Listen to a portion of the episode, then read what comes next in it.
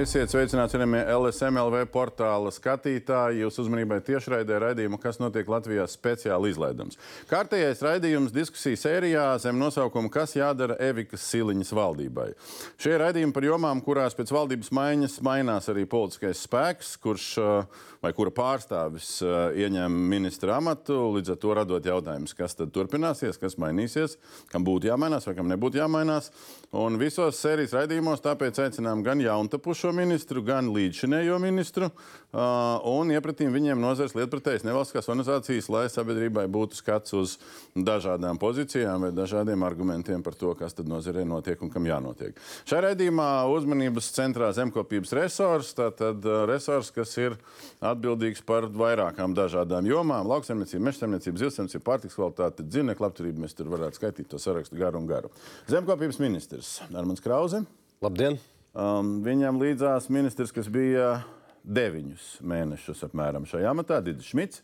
Vien. Un iepratīm viņiem četru, vairāk vai mazāk, bet lielo uh, nozares uh, dažādu organizāciju pārstāvji. Uh, Lauksaimnieku organizācijas sadarbības padome, tās valdes priekšsēdētājs Guns Gutmans, Zemnieku saima, tās valdes loceklis Mārtiņš Strons. Labdien. Koku Rūpniecības federācija, tās viceprezidents Kristaps Klauss un Latvijas Bioloģiskās lauksaimniecības asociācija, lauksaimniecības politikas eksperts Raivs Bakštēns. Uh, es gribētu sākt ar siltu un pat karstu tematu pēdējā mēneša laikā Latvijas lauksaimniecības politikā - samazinātais PVN augļiem, ogām, dārzeņiem. 4. Uh, oktobrī šeit, kur piedaloties arī Krauskungam, bija diskusija, Šmitkungs nebija. Bet Šmitkungs, diskutējot ar klātesošo citu starp Tronkungu, ex-Twitterī, tagad Iksā, uh, uzrakstīja, ka tur kas tur PVN likmes, kas tur budžeta prioritāte. Likās, ka kāds laiks jādod jaunajam ministram, dedošu dabūs pa purnu jau rīt. Uh, nu, tieši tā uzrakstīja eksministrs. Uh, noskatīsimies uh, mazu fragment, divus fragmentus kopā saliktus, kā par iepriekšējo ministru un iepriekšējās ministrijas prioritātēm Krauskungs izteicās tajā raidījumā. Uh, nākošā gada un turpmāko trīs gadu budžeta ietvars un bāze tiek veidota vasarā. Ir vairāk termiņu bijuši. Pirmais ir zemkopības ministrijas prioritātes. Iepriekšējās valdības laikā bija līdz 30. jūnijam jāiesniedz. Iepriekšējās valdības laikā zemkopības ministrijai līdz 30. jūnijam nebija prioritāte samazinātā PVN likuma. 15. augustā valdība nāca klajā ar informatīvo ziņojumu par budžeta bāzi. 24., 25., 6. gadam. Šajās visās uh, datumos, ko es nosaucu, neviens no zemkopības ministrijas, uh, ministrs arī zemkopības ne, neteica, ka tā ir prioritāte. Nu, tālāk sakojas tās par to, cik grūti ņemot vērā saplānotos budžeta ieņēmumus, ir kaut ko mainīt. Par ko pa purnu? Nē, es atvainojos. Manuprāt, šī valdība, kas tagad ir, tika veidota un strādāja kopš 10. maija darba grupās, visu vasaru, PVN taisīja un tam līdzīgi. Iepriekšējai valdībai faktiski sarunas par budžetu nebija pat sākušās. Visi gaidīja slaveno augusta vidu, kad iznāks Ašrādens ar savu konkurētspējas ziņojumu, nu, uz kā bāzes arī var kaut ko skatīties attiecībā uz budžetu. Šādas sarunas vispār mums nav bijušas. Kā, nu, manuprāt, Tāpēc es arī to teicu. Es biju domājis, ka uh, man liekas pieklājīgi arī atļaut uh, pēctecim kādu laiku strādāt. Vismaz nu, ir tāds pieņemtās simts dienas vai savādāk. Un tad, ja ir par ko kritizēt, nākt ārā. Bet, nu, kā jau saka, piedod, ar mani tu uzprasījies, uh, tu uzprasījies un man, un es rēģēju. Ko jūs sakat? Um, nu, Vai ir kāds pamats jums pārmest, ka jūs kaut ko ne tā interpretējat? Nē, nu es domāju, tie fakti, ko es nosaucu, tie tādi ir. Un, tā situācija radusies ir, no, saistībā ar PVN neapskaužam, jo tiešām es jau faktiski otrā darba dienā dabūju ar to strādāt. Un tiesa ir, ka. Sacīt, bija arī sājumā vasarā pirms Jāņiem, es nepateikšu datumu, pagarināja šo līdz gada beigām. Likums bija sājumā. Un tajā brīdī, protams, neviens nedebatēja, ka, kāpēc tikai pagarina līdz gada beigām, bet ne tālāk. Tā kā, uh, bet mēs šito problēmu jau faktiski pusotru mēnesi runājam. Mēs esam nonākuši arī koalīcijā pie tā, ka nu, mūsu ZZS prioritāte ir samazinātais PVN, un šobrīd arī notiek sarunas, kā viņu turpināt. Bet jūs paliekat pie tā, ka iepriekšējais ministrs ir vainīgs, ka uh, tas nenonāca kaut kādā citā stadijā. Iepriekšējais ministrs, starp citu, bija lietas, kas bija izdarītas, bija informatīvais ziņojums iesniegts Jā. valdībā, kuru nu, tad, tad neskatīja, jo viņš netika saskaņots. Tas ir fakts. Un, uh, Pa prioritātēm runājot, var darīt dažādi. Es noteikti to būtu licis kā prioritāti. Uh, iekšā jau un gājis uz kopējām sarunām. Bet uh, var jau arī debatēt un pieņemt atsevišķu politikas lēmumu. Tā kā risinājumi nu, ir uh, dažādi. No Dīdzes jau ļoti labi. Tas ir tāds absurds. Nu, iepriekšējā valdībā samazināta PVN likme netika atcelta. Nu, viņi bija un bija un, un sarunas par to būtu bijušas. Citu, ja mēs par šī jautājuma saturīgāk, ne tikai kurš vainīgs, kurš nē, parunājam. Man, man, man liekas, tur ir normāli risinājumi, par kuriem vispār netiek runāts šobrīd. Bet iepriekšējā valdībā bija norma līdz šī gada beigām. Bet tas ir katru, piedod, piedod tas bija vienmēr. Tas nekad nav Vienreiz bijis. tikai pagarinājies. Tas, nebija, nekad, tas nekad nav bijis valdības klasisks dienas kārtības jautājums, tāpēc ka Finanšu ministrija vienmēr ir likusi veto šim, kā mēs zinām, bez Tieslietu un Finanšu ministrijas un premjera pirmām kārtām. Tas jautājums valdībā neparādās. Tā vienmēr ir bijusi politiska saruna politiska vienošanās valdības koalīcijas ietvaros. Katru, valdībā katru, jums ar Ašrādēnu katru gadu ne, nav ne, vispār ne, pat nesākās saruna. Ko, ko šai pusē jūs sakat? Kas te ir vai nav noticis? Es domāju, ka mēs pusraidījumu varam runāt par to, kurš ir vainīgs vai nav vainīgs. Vai ne? es domāju, ka vairāk akcents ir jāvērš uz nākotni. Skaidrs, ka maijā, jūnijā, jūlijā, augustā tā situācija īsti tādā valdībā nebija laba. Tāpēc arī mēs kā nozare īsti negājām, nerunājām, kamēr ņēmās tur savā starpā par visiem tiem jautājumiem. Bija informatīvais ziņojums, bija iesniegts ministrs kabinetā, bija pozitīvs atzinums no zemkopības ministrijas, Negatīvs no atzinums no finanšu ministrijas. No finanšu ministrijas bija pozīcija par to, ka ļoti labi pildās visas nodokļu pozīcijas, izņemot PVN. Attiecīgi, mēs kā nozare cerējām, ka informatīvo ziņojumu apstiprinās ministrs kabinetā pagarinās šo PVN un dzīvojam tālāk. Attiecīgi. Bet tas, kas mums ir svarīgi, nu, tātad, nu, jā, mēs redzējām, ka no jaunās valdības, no jaunā ministra varbūt bija tāds neveikls izteikums bijis uh, rīta radio raidījumā. Mēs gājām uz sarunu ar, ar ZZS, ar jauno vienotību, ar citām teiksim, koalīcijas arī partijām. Uh, Rezultātā, manuprāt, ZZS tomēr ir mainījis to savu pozīciju, un arī zemkopības ministrija un Kraus kungs atbalsta šo samazināto 5% PVN sākot ar nākošā gada 1. janvāru. Tāda ir mūsu kā nozares pārādība. Kā tad šobrīd ietirgot to saplānoto uh, PVN lielāku ieņēmumu, ko finanšu ministrija teiks, ja mēs atnākam apakaļ pie 5% vai turpinām 5% ieņēmumu mazāk? Ko jūs viņam teiksiet pretī? Šobrīd notiek sarunas, un tas nav tikai zemkopības ministrijas uh, lauciņš. Nodokļu politika ir uh, finanšu ministrijas un valdība kopumā. Ja? Un, uh, pēdējais, par ko mēs esam debatējuši, kas jau publiski izskanējis, tad ir kāda likuma, vai tā ir 5% vai 12%, par to notiek debats. Bet, uh, Te es negribētu piekrist, ka bija neveikla izteikuma. Tas, kas es arī tajā raidījumā, kur te bija ļoti skaidri teicis, ka es atbalstu samazināto likumu, tas, kas man radīja bažas visā tajā stāstā, kā atbalstīt vietējos, Jo tiešām man kā ministram ir uzdevums atbalstīt mūsu pašu ražotājus. PVN stāstā nešaubīgi praktiski pircējs iegūst ļoti maz. Nu, ļoti, ļoti tur ir rāda statistika. Un otrs puses no tiem ziņojumiem vairāk kā 11% nokritās tajā reizē, ja, un, un, un tas nav daudz. Bet kas man pats svarīgākais liekas, ka vienlīdzīgi gan tātad, PVN ir uz vietējiem, gan uz importu. Un imports ir audzis. Man kā ministram gribētos, lai imports tik strauji neaug. Par to jums risinājuma nav. Un, un, bet, bet nešaubīgi es uzskatu, ka samazinātā likuma ir vajadzīga, lai palīdzētu ražotājiem. Un ēna ekonomika. Divi argumenti palika. Arī patērētājiem. 12% nevis 5% vietējie iepratījumi importam. Nu, jāsaka, godīgi par to, ko, ko mēs te visi diskutējam. Man liekas, ka mums nav īstenībā pretrunu iekšēji ne ar iepriekšējo ministru, ne ar esošo, ne ar zemkopības ministriju. Visas problēmas slēpjas šobrīd finanšu ministrijā. Un tas, kas ir tā problēmas būtība, ko mēs nesaprotam, finanšu ministrija rēķina nepareizi. Viņi sarēķina, cik pie 5%. Viņi rēķina citādāk. Nē, viņi rēķina, cik mēs 5% likme, 21% likme. Starpība tā tad būs pieaugums budžetā. Nebūs tā pieauguma budžetā kopumā.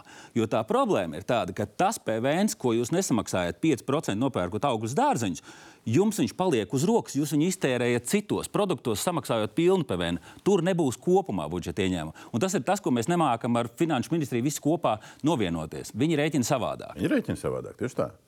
Nē, es, es gribēju, nu, lai, lai risinātu uzdevumu, ir korekti jāpiefiksē dotie lielumi. Parasti, nu, un, uh, tur es tam nepiekrītu. Tur rāda, arī šeit studijā rādīja tās tabuliņas, re, kur ir vietējais imports pieaudzis.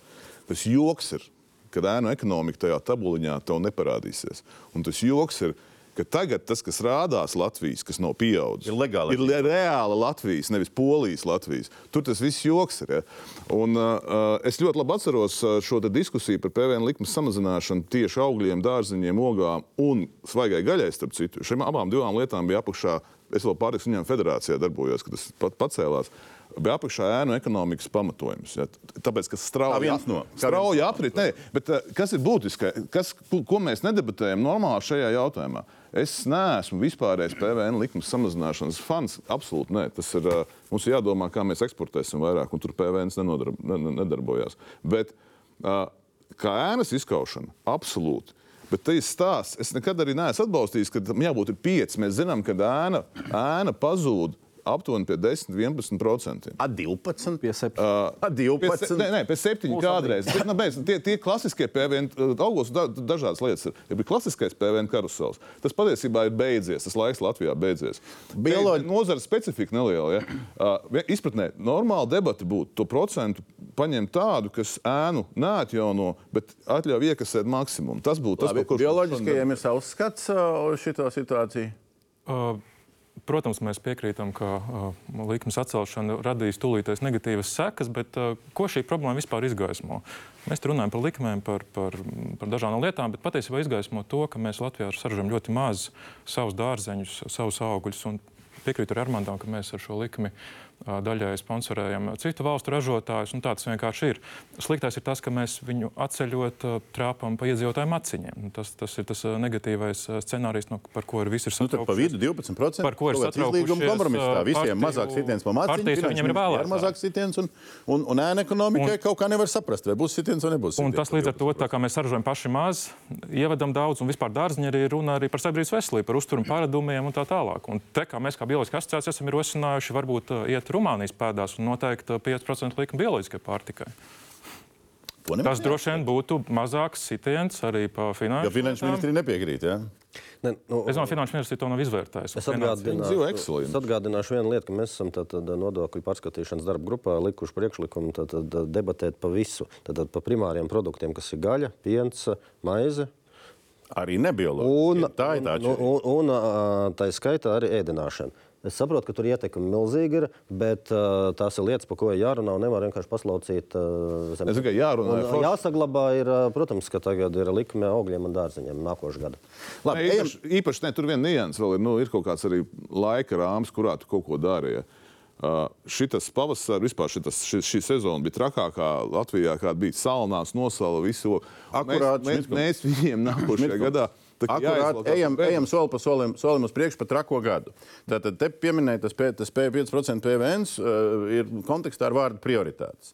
Ja mēs paņemam tagad budžeta projektu prioritātes uz nākamo gadu, tur lielais skaitlis no zemkopības ministrijā ir 12 miljoni, kas būs um, dzīvotspējas um, stiprināšana ja, saimniecībām. Tāds bija tas formulējums tajā stāstā. Nu, man paralēli nāk um, e-pasti no tiem pašiem zemniekiem, ar ko Krauskungs ar pirms dažām dienām tikās, un par kuriem vēl Šmitkungs, būdams ministrs, runāja pēc 7. augusta vētras. Nu, no sērijas, kā tad mums tā solīja sniegt palīdzību, un mums tagad nesniedz. Tiekam skaidrībā arī ar šo situāciju. Nu, te, godīgi, un klāna galva, tas nozīmē, ka jūs arī sakat, ka solīja vienu, un tagad notiek kaut kas cits. Tur, tur tā situācija ir drusku sarežģītāka. Tas stāsts ir par, pārsvarā par zemgālu, par milzīgo vētru, protams. ā, kur ā, tā situācija dalās apmēram uz pusēm. Apmēram puse no saimniecībām, kur bija zaudējumi, ir apdrošināti. Un tur ar apdrošinātājiem tiksim galā, un skaidrs, tur viss ir pa lielam, viss ir kārtībā. Jautājums ir par tām saimniecībām, kuras nebija apdrošinātas, un kuras nu, aptuveni ir tādas saimniecības 70, 100 hektāri. Ir Mhm. absolūti pilnīgi viss gājis bojā. Šādā. Tieši dzīvot spējas Jā. līmenis. Šīm ir. saimniecībām nav uz šo brīdi nekāda palīdzība, nekāda atbalsta. Izņemot programmu jumtu atjaunošanai, kuras atdod 40%, viņiem nav nekādu naudu. Nu, man te raksta 180 saimniecības. Jā, un tur ir tas jautājums. Tas bija gadījums, kur bija jādod līdzekļi no neparedzētiem gadījumiem. Tā, bija, tā ir tieši tam domāta programma. Es saprotu no budžeta konteksta, ko es esmu dzirdējis, ka naudas šogad nav. Nu tad valdībai vajadzēja nolemt no nākošā gada budžeta, no nākošā gada neparedzētiem līdzekļiem. Apsolam viņiem janvārī samaksājam kaut kādu kompensāciju, jo tur tiešām ir milzīgas problēmas. Kas notika līdz 15. septembrim, kas notika pēc tam? Nē, nu kā, ja mēs skaitām visu to palīdzības apjomu, kas bija jāsniedz visās tajās krīzēs, es, te ir ļoti mm, strīdīgs jautājums. Ja es nedotu naudu tiem, kam bija iespēja apdrošināties, tur to iespēju neizmanto. Jo, ja mēs to darām, mēs sagraujam pašu apdrošināšanas ideju. Ja. Es ļoti labi atceros, man liekas, septiņus gadus, astoņus gadus atpakaļ, kad ieviesa valsts līdzmaksāta apdrošināšanas sistēmu. Toreiz bija vienošanās vairāk pie tā, kas ir apdrošināts, nenākiet lūdzu ar izstiept roku, ja jūs neesat apdrošināšanas. Man gan te raksta, ka tas valsts atbalsts nebija paredzēts tādos apjomos, lai 100% apdrošinātos. Nē, ir uh, līdzeklis, nu, nē, nu, piedošana, ir, mēs pareitināsim investīcijas uz hektāru un cik tur ir apdrošināts daļa, un tas ir smieklīgi, tas ir mazāk. Labi, bet tad jūsu pozīcija šitiem nepalīdz. Es, es, es teiktu, ka uh, vēlos vilcienos, nē, protams, ja mums ir daudz naudas un iespējas, palīdzam visam, kam varam, bet tā rinda, kas sastājās, objektīvā rinda, piemēram, uh, ko mēs visi vienojāmies, saunas, kas nav apdrošināmas, bija prioritāte numur viens. Izpratnē, ja tu visu izdarīsi un apdrošināti to nesadz, tad sākam ar tiem, un tie, kuri nav apdrošināti, tie ir rindas pašā galā. Un tā rinda ne, nebūs visā samaksāta. Šie 12 miljoni, kurai dzīves, dzīvot spēja, jā, kurai nē. Tie 12 miljoni nākošais gads. Nākošais gads. Jā, jā. Un tā ir prioritāte, ko prasīja lauksaimnieku organizācijas divām lietām. Tātad apdrošināšanas polišu līdzmaksājumiem, līdzmaksu sekšanai jā. un uh, kredītprocentu sekšanai. Tātad divas būtiskas lietas, kas ir saistītas arī ar šo krīzi. Jo, jo te pieminēja par lauka atbalsta dienas programmu. Jā, var atjaunot ēkas, var pašpirkt materiālus, var ņemt firmu pakalpojumus, kas citur ir sadalīts starp lielām un mazām. Lielām ir 40, uh, mazajām bija 80% vai 70 vai 80. Jā. Šis atbalsts ir ļoti liels. Automā Tūlīt, tūlīt, man liekas, beidzot būs noformēta būs programma ar pazeminātiem kredītprocentiem. Kam ne visi kvalificējoties dēļ operatīviem rādītājiem šobrīd? Dēļ, dēļ de minimis, protams, ja ļoti liela kredīta ņemta, nevarēs, bet, bet, bet lielākā daļa tur varēs. Un faktiski tie ir tie mehānismi, kas ir pieejami godīgi visiem. Un tas dzīvotspējas jautājums no Šeit man jāpiekrīt pilnībā tiem, kas tas arī, ko teica Dīdzis. Ja mēs esam pirms vairākiem gadiem vienojušies, ka valsts līdzfinansē apdrošināšanas polises un iespējas ir pilnīgi visi visiem. Tad tagad kādā situācijā mēs varētu sākt izmaksāt naudas tikai tiem, kas nav apdrošinājušies. Tas nebūtu godīgi par tiem, kas ir apdrošinājušies. Maksāt tā, tad... visiem arī nebūtu godīgi, jo tie, kas ir apdrošinājušies, saņemtu kaut kādu bonusu, dubultāja. Nu, mēs esam ļoti sliktā situācijā. Zemgājas ministrs saka, ka šobrīd 180 saimniecībām paši vainīgi, ir mehānismi, kuriem mēs palīdzam. Es, es tad var ņemt apgrozāmiem līdzekļiem, var ņemt jumtu remontam. Un uh, ir pasākumi, kur valsts nāk palīgā un dod iespējas godīgi. Ja? Jā, nē, citādi. Trīs lietas. Protams, paldies Zemkopības ministrijai par to jumtu programmu, kuras iniciators bija arī Zemnieku saima. Mēs vienkārši sēdējām, atceros, sanāksmē attālināti. Un, un nebija variantu, nebija pat ideju, kā, kā palīdzēt tām saimniecībām, jo uh, nebija jau to, to līdzekļu. Un tad vismaz ok, mēs varējām izmantot arī uh, teiksim, Eiropas naudu. Labi, tie ir jumti. Tā nav lauksaimniecība. Tie ir jumti. Palīdzēt. Par apdrošināšanu tas stāsts ir diezgan garš. Es domāju, ka tā problēma mm, sākās tajā brīdī, kad iepriekšējais ministrs Gerhards samazināja arī atbalsta intensitāti sējuma apdrošināšanai, lopu apdrošināšanai. Līdz tam brīdim platību pieaugums bija diezgan būtisks. Mēs principā gājām uz to, ka apdrošināšanas kompānijas ir tās, kas uzņemās risku. Jo es domāju, ka šodien nu, neviena valdība, ne, ne, neviena Eiropas valsts nevarētu nokompensēt tos zaudējumus, kas mūsu lauksaimniecības nozarē ir radušies. Nu, piemēram, laukopības nozarē ir 300 miljoni. Šobrīd, tad jūsu skats šī brīdī ir samazināt atbalsta intensitāti apdrošināšanai. Tas nozīmē, ka daļa saimniecību redzēja patieso situāciju un, diemžēl, pagājušā gada rudenī šopos ar sējumus neapdrošināja. Kā rezultātā mēs redzam arī tagad sekas. Un tas, pie kā ir jāstrādā, ir jāstrādā pie tā, lai pietiktu nauda apdrošināšanai.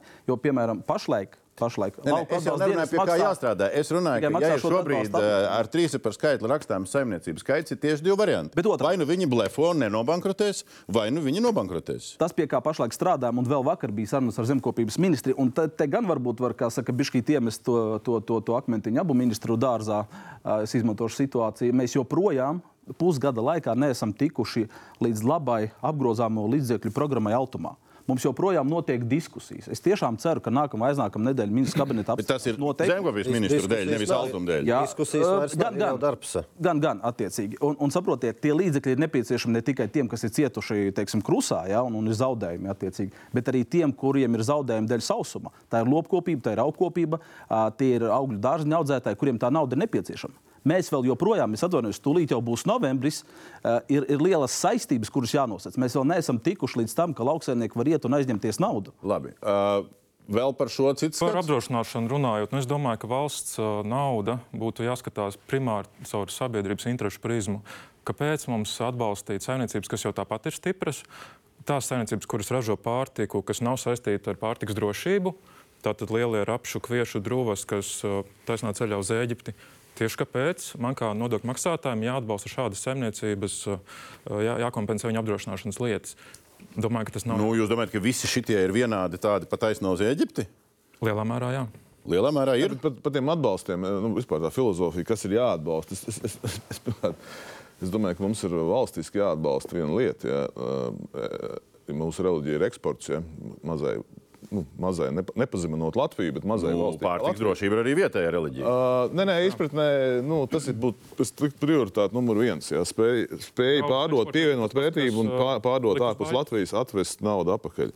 Pārējie atbalstā, protams, ka lauksainieks ir specifiski, viņš būs, jo tas ir visā Eiropas Savienībā. Mums ir jāturās līmenī, lai mēs būtu konkurētspējīgi ar pārējiem, kurš šādu atbalstu tiek sniegt. Bet neko, un, un te ir tas lielais jautājums - subsīdijas dalot. Ja.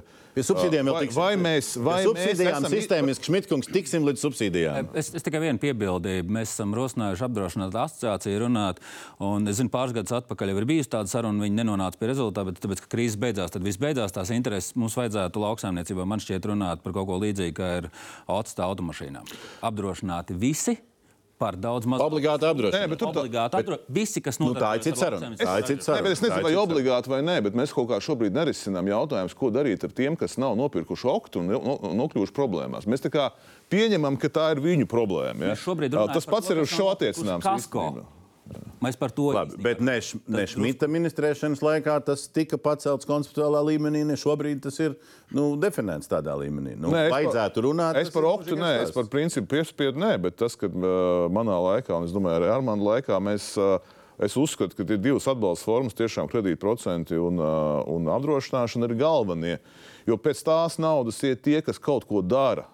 Un, un investē nākotnē. Nevis gaida, ka viņiem nobērs gada beigās subsīdija par to, ka viņi ir. Jā. Labi, uh, divas karstās lietas izrunājām. Klauskungs vienīgais netiek pie vārda. Uh, nu, kok, me, mežsaimnieku kops- uh, kokapstrādes jautājumi arī nav ne samazinātie PVN šobrīd, ne vētras kaitējumi. Tāpēc Un tieši tas arī mums meža nozares ļaudis kaitina, ka šādā veidā to arī formulē. Ar ko atšķirās nopostīts labības lauks vai bioloģiskās lauksaimniecības, nezinu, kāpostu lauks no krūzes ar izpostītu briestaudzes mežu vai jaunaudzi? Ar ko? Un tajā brīdī sākās tā mūsu, nu, es tagad runāju par emocionālu pārliecību un, un taisnīgumu sajūtu, nevis par biznesu. Bet te sākās tas moments, pasaka, kā lai es izstāstu zemes īpašniekam, kas audzē reizē gan graudus, gan mežu, kāpēc graudu gadījumā viņam nāk valsts palīgā, ja kaut ko nopost, un meža gadījumā viņas pasūta trīs mājas tālāk. Un tā ir tā lieta, kas mums ļoti, ļoti sāp. Bet jūs gribat teikt, šobrīd, ka ka zaudējumi vai kaitējums no vētras ir tikpat liels, bet tikai tur neviens nekliedz. uh, viņu kliedz, bet mēs kaut kā esam jau visu to balsi izbļaujuši, ka mēs jau vairs to neuzskatām par pat liederīgu kliegt, jo mūs jau nesadzird. Bet nu, stāsts ir tāds, ka ja mēs skatāmies tās ainas, kas pārgāja krustu un vēju pāri. Nu, nu, mēs redzam izpostītas zemē, uz zemes izaudzētas vērtības. Un sāp tas, ka nav nu, tā, samērīga attieksme starp lauksaimniecību un mežsaimniecību. Tieši tā, tavs raidījums saucās lauksaimniecība, mežsaimniecība, un tajā brīdī, kad runā par vētu, var saka, ko tu te klaus vispār runās. Nē, tā ir tā- kacinu Jā, bet, bet tā ir tā sāpe, ko es gribu izteikt, kad kaut kur mūsu arī nākamās temats būs par meža politiku, lauksaimniecības politiku. Patiesībā ir runa par zemju politiku un zemes politiku kā tādu. Bet, bet, bet par šo sāpošo nesamērīgumu ir ko atbildēt. Tā kā mēs ā, šogad kā jau minēju, kompensācijas tieši par hektāriem nemaksāsim postījumu, jo ir šī apdrošināšanas sistēma. Tad es domāju, ka jārunā plašāk. Es piekrītu, ka obligāti tā noteikti, manuprāt, nebūtu pareiza. Jo nu, piespiest visiem avāri nevar, bet veidot kaut kādu plašāku sistēmu, kur var iet iekšā arī meži, jo tur noteikti maksājuma polīs būtu ļoti, ļoti lēta. Jā, jo mežiem tie riski ir mazāki attiecībā uz krustu. Uzlikt obligātu apdrošināšanu jau visām jaunaudzēm? Brīvprātīgi, visur tikai brīvprātīgi, bet viņi jātaisa plašāk, acīm redzot, vai tā ir apdrošināšanas poliša un runa ar apdrošināšanas kompānijām, vai tas ir kāds fonds. Tā ir diskusija. Starp citu, runa ir bijuši arī par fondu veidošanu vēsturiski, ja, ko, kur apdrošina tos riskus, ko neapdrošina apdrošināšanas kompānijas. Tur noteikti atcerieties, ir ļoti plašs debats bijuši. Tā kā mums pie šī ir jāatgriežas, es apsolu, ka mēs varam apgriezties un plaši runāt, vai mēs nonāksim pie vienota kaut kāda viedokļa, jo jārada jau resursi ir. Un tad jautājums, no kurienes mēs viņu ņemam. Fonds? Es piekrītu, Jā, vienu, ne? Ne, bet viena lieta, es piekrītu, ka mēs nevaram prasīt visiem nodokļu maksātājiem maksāt. Mums arī jāmeklē savu resursu iekšēji savās nozarēs. Nu, mans galvenā tēze ir tas, ka mums jā jāskatās godīgi uz lauksaimniekiem, mežsaimniekiem, un nevar būt tā, ka tikai vieniem un otriem nekad. Uh, nav jau tā, ka mums nav atbalsta formas lauka atbalsta programmā pēc šādas krusas. Mums ir iespējams ar valsts Jā. uh, Eiropas Savienības atbalstu atjaunot jaunaudas.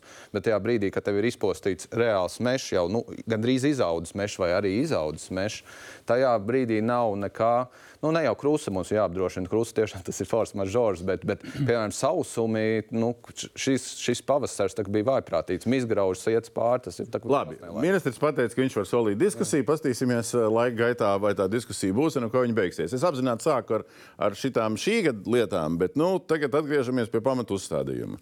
Valdības deklarācija. Viens vienīgais punkts. Nav tur zemju politika. Ja? pieminētā. Te ir uh, lauksaimniecība, mežsaimniecība, zivsaimniecība. Um, nu, zināšanās ilgspējā balstīta. Vietējiem tirgumam un eksportam gan viena, gan otra reliģija iekļauta. Ja, mēs daudz reliģiju valsts esam. Ja. Um, kvalitatīva pārtika. Ko jūs saprotat zem visa šī? Ko valdība ir vai nav pateikusi? Man ir komentārs. Jā kvalitatīvā pārtika, ilgspējīga pārtika vai lauksaimniecība man nerada tādas konkrētas vīzijas par to, ko mēs vēlamies. Un zīmīgi, ka šī deklarācija, jaunā un jaunais topošais rīcības plāns, ir pirmais daudzu gadu garumā, kur netiek pieminēts vārds salikums bioloģiskā lauksaimniecība. Uh, visas cerības uz jauno ministru, bet pagaidām šajā jomā rezultāta nav. Šie, šis vārdu salikums bija pat, ja atceramies, Birkava un Repšas valdībās senos. Es te jūs sakat, ka šis ir liels defekts pat īsā deklarācijā. Ņemot vērā, jā, ņemot vērā zaļā kursa uzstādījumus un ņemot vērā patiesībā šobrīd iestājušos karstu krīzi bioloģiskā lauksniecībā, ka pirmo reizi vēsturē mums samazinās platības, pir, mums ir tikko nokrituši mīnus 500 ražotāju. Nu, tas ir temats, kas ne tikai jāizdara. Ko, ko katrs no jums izlasa? Ko katrs no jums izlasa šajā tekstā? Ja, ja drīkst, jā, nu, principā tā vienā punktā es izlasu kaut kādu kopsavilkumu no tiem desmit punktiem, kas bija iepriekšējā valdības deklarācijā. Principā. Nu, tā nu, liekas, jā. Baigi tad pavirsu. Es, es, es to savelku, jā. Uh, Skaidrs, ka tagad katra nozara gribētu, lai viņus tur arī ieraksta. Arī cukaudzētāji gribēs, ka viņus tur ieraksta, un, un, un augļu audzētāji gribēs, lai viņus tur ieraksta. Nu, man liekas, bioloģiskais lauksaimnieks arī ir lauksaimnieks. Mēs šodien runājam par lauksaimniecību kopumā. Ka mēs esam metodēm. vienmēr šobrīd mēs integrētā bioloģiskā un, un šobrīd mums ir iestājusies platību krīze. Skatāmies kopā. Tas ir kopā. Skaidrs, ka tā problēma ir arī bioloģiskā lauksaimniecībā. Produktu cenas ir, ir, ir lejā lauksaimnieki noveco, ar, ar, ar eksportu ir švaki, ar pievienotās vērtības radīšanu arī švaki. Ir jādomā, kā to jautājumu risināt. Tas nenozīmē tagad atnākt un sakot, jūs te, izlasat visus iepriekšējās valdības, nu bija 11 punkti, pat ne 10, ka viņi tur ir kaut kā kopā un nekā jauna. Ja? Tad tas ir jūsu. Ir tāda sajūta, jā. Godmaņa kungam līdzīga sajūta. Nu, deklarācija kā jau valdības deklarācija. Zem viņas ne, var... Šī tāda nav bijusi. Nekāda, nekāda nav bijusi. Viņas var pēc tam izdarīt jebko. Mm. Nu, ja ir no. tie 11, zem tiem 11 punktiem, drusku tomēr nu, nu, mazāk var izdarīt. Nu, galvenais droši vien būs, kas būs rīcības plānā rakstīts galā pieņemts. Ko jūs izlasat šajā deklarācijā? Nu, es esmu kļuvis šo pats. droši, droši, nu pasaka. Tā iemesla dēļ es. Uh, Nedrīkst jau atzīties, bet īsti neesmu viņu lasījis. Ne, jo tāpēc man, jo, tas, izlasām, jo tas arī ir tas moments, kad es viņām īsti neticu, ka tas tiešām man iezīmēs to rīcības plānu un valsts politiku, kā viņi darbosies. Bet es gribu teikt par šo konkrēto punktu, ko tagad izlasīju. Ja? Mm -hmm. Es gribu teikt, ka tā, manā izpratnē tā ir milzīga. Uh, kļūda neskatīties uz ķēdi kopumā. Ja mans kolēģis jau tikko nolamāja graudu un baļķu eksportu. Uh, Un tas ir tas moments, kad mēs varam cīnīties un strīdēties, vai tas ir labi vai slikti, vai kaut kā tamlīdzīga. Bet patiesībā jau jāskatās uz visu ķēdi garumā. Latvijā no, no mežsaimniecības, pliks mežsaimniecības var nopelnīt, bet nopelnīt var četras, vai piecas, vai desmit reizes mazāk nekā, ja raugās uz mežsaimniecību, plus kokrūpniecību. Tāpēc arī lauksaimniecībā, ja neliks kopā pārtiks rūpniecība ar lauksaimniecību, neliks meža politiku kopā ar kokrūpniecības politiku, tad mēs kā valsts brauksim vienkārši auzās. Nu, Krauskungs, padiskutējam, kas te ir izlasīts un kas te ir iztrūcis. Pirmkārt, jā, šī valdības deklarācija atšķirās ļoti būtiski no visām pieņemtām. Te ir 40 punkti. Ja es nemaldos, iepriekšējai valdībai bija 380. 20. Pāri krietni, jā. Precizēt. Uh, bet uh, tātad šī ir jauna pieeja. Uh, rīcības plānā mēs arī detalizētāk uzskaitīsim. Tas, ko es gribu nomierināt bioloģisko asociāciju, uh, kā bioloģiskā lauksaimniecība arī ilgspējīga lauksaimniecība, un te runājam par ilgspēju, tātad gan integrēto, gan bioloģisko, gan tādu lauksaimniecību, kas ir konvencionālā saskana ar zaļo kursu. Mēs tikai lūdzam precīzākus formulējumus. Mēs tiešām katru, katru nu, nu, nozari ne, nevēlējāmies izcelt šeit, tāpēc ka tad mums tas saraksts sanāk ļoti garš. Tas, ko es gribu pateikt, divi ka, ja mēs runājam arī par mežu politiku un citiem jautājumiem, tad ā, es jau pirms raidījuma teicu, ka mums ir jāskatās vēsturiski diezgan sen. Starp citu, nevajadzētu tikai šeit būt uh, iepriekšējiem ministram Digim Šmitam, bet vajadzētu būt Kasparam Gerhardam. Vai man dieniņi mēs varētu jo, veselu plējādu un dūklaus un kas tik vēl? Dombarkungs, nē, nē, tik tālu nevajag. Ne, Jo eh, šī te plānošanas eh, perioda, tātad faktiski K- K- KLP strateģiskais plāns ir apstiprināts Briselē 2022. gada beigās, un pie viņa strādāts kāds divus gadus. Un faktiski tas viss notika uh, līdz saimnes nu, vēlēšanām tajā valdībā. Un līdz ar to arī faktiski atgriežamies pie mežiem. Pamatnostādnes viņas beidzās 20. gadā. 20. gadā. Tātad jauns vajadzēja sākt veidot kad? 19. Bet- gadā. bet vai ar- ir pienācis 23. gads, es esmu pusotru mēnesi kā ministrs, un es secinu, ka nav faktiski līdz šim mēžu mm, politikai Pirms- vispār pirms mežu- vīzija, kur mēs ejam. pirms jā. mežu politikas. Un tāpēc, tāpēc es domāju, ka uzrakstot šādu īsu kodolīgu, m- mēs zinām, ka mums ir jāstrādā ļoti daudzām problēmām, kuras ir gadiem ievilktas. Bet, Krauskungs, tad, tad precizējam līdz galam. Tas šīs sajūtas, kas ir, ka būtībā uzrakstīja iepriekšējās valdības punktu apkopojumu. Nu, tad es to tālāk uh, novedu līdz jautājumam, apkopojam līdz šinējo, balstījāmies uz tās pašas Gerhardt laikā pieņemtās kopējās lauksaimniecības politikas un neko jaunu nepiedāvājam un arī nevaram piedāvāt. Es mm, pilnībā noraidu, ka mēs, eh, es personīgi pat neizlasīju, kas bija Gerharda atvainojos un arī iepriekšējās valdības deklarācijā, tāpēc ka man bija svarīga tā vīzija, kas ir ielikta eh, mūsu lauksaimniecības citos dokumentos un ko redz paši lauksaimnieki. Un eh, šo īso rindkopu rakstot, mēs konsultējāmies arī ar nozarēm un uzrakstījām tādu, lai tiešām mēs varētu strādāt brīvi un elastīgi. Un, eh, Nebūtu tā, ka mēs izceļam kaut ko vienu priekšplānā un pa pārējo neuzrakstam. Es domāju, ka te mēs varam risināt visas lauksaimniecības, tā skaitā arī mežsaimniecības problēmu. Nu, ja mēs gribam vēl kokrūpniecību pielikt klāt, te ir pārtiks pieejamība, nu, nu, tad tā ķēde jāsaprot kopumā. Tā ir mežsaimniecība un kokrūpniecība, jo mums ir svarīgi eksportēt, kā arī te minēts. ā, Kur mēs bijām augstas pievienotās vērtības. Nu, labi, bet, bet, bet, bet, ja nu, bet, bet, bet, ja nu tagad, uh, nu, vispirms finanšu ministriju padarījām par vainīgo, tagad Gerhardam uzbraucām, nu, klāt nesošie tie vienmēr ir peldējuši, tas loģiski. Bet, nu, ja mēs paņemam šo te, nu, fonā uzliekam tos uh, lauksaimniecības politikas tos mērķus šajā 22. gada uh, dokumentā akceptētos, nu, tad ko šobrīd ir jādara uh, Siliņas valdībai, iepratīm Kariņu valdībai, citādāku esošā plāna ietvaros? Bet Gerhards kungs, vai tas, tas ir Domborkungs, tas, kas ir Gerhards. Neatbild, par šito neatbild, Kas jā. ir Gerhards laikā apstiprināts, jūs saprotiet, ka tas ir uh, valdība izstrādāja kopā ar lauksaimnieku organizācijām, un viņš ir Eiropas gaitiņos Jā, jā. apstiprināts. Līdz ar to strateģisko Tagad plānu, jāsāk lai jūs saprastu, kā mēs varam šos mērķus un vispār jau mainīt. Tātad mēs, es esmu jau faktiski devis rīkojumu, ka mēs uzsākam diskusijas, lai mēs varam mainīt, bet tā maiņa, tātad, nu, es ceru, ka mēs ļoti ātri ar nozarēm nu, izdiskutēsim un varēsim divu mēnešu laikā sagatavot, ko iesniedz Briselē. Brisele ātrākais 6-8 mēnešu laikā izskatīs un apstiprinās, un tad mēs varam veikt izmaiņas. Bet Tas, vadmotīvs mainīt ko kāpēc? Es tāpēc esmu uzsācis konsultācijas ar nozarēm, jo ir, piemēram, kas ir jāmaina. Es uzreiz varu vienu lietu minēt, konkrētu vienu. Ir izveidota lauksaimniecībā izmantojama zemes pārvaldības sistēma, kas ir ierakstīta strateģiskā plānā un kas rada milzīgu birokrātiju un neapmierinātību. Jā, zemē. man zvanīja Es- Es pats personīgi, es pats personīgi esmu ļoti neapmierināts. Jeb, jebkuram lauksaimniekam jūs uzprasīsiet. Un tas viss ir ierakstīts šajā Jā. plānā, un tā ir pilnīgi neiedzība, kas ir radīta. Mēs, es arī esmu ar rīkojumu jau uzdevusi noskaidrot, kā tā ķēdīte ir izveidojusies, jo Eiropas, starp citu, regula to neprasa. Eiropas regulas neprasa. Iespējams, ka varēja uz, uzprogrammēt labu sistēmu. Te nav runa par čakars tur nebūs. Nē, nē, te nav runa par programmēšanu. Te ir runa par to, ka mēs uzliekam papildus prasības nacionālā likumdošanā un savos nacionālos dokumentos, kas, eh, ko Brisele neprasa. Un tā ir lielākā bēda, ko mums vienmēr Latvijā kāds pacenšas ministriju, dažādu ministriju līmenī izdarīt. Mums vajag minimumu, ko prasa Brisele, un nekrāmēt savus prasības virsū. Eh, Tagad Krause rosina jaunu diskusiju par Gerhardu plānu pa vidu bija Šmits. Nē, nē, bet kā, es par, tiem, par to tekstu Nu. no. ierakstīju deklarācijā. Nav jau tā, ka šī valdība veidojās tāpēc, ā, nu, iepriekšējā krīta un šī izveidojās tāpēc, ka bija labākas idejas, kā attīstīt lauksaimniecību. Nu, tur bija diezgan cits, ā, citi motīvi un tad kaut kāda teksta ieraksta. Ja? Un Tas piekrīt Guntim par to, ka to var lasīt. Nu, to, zem tā var darīt uh, visu ko. Ja.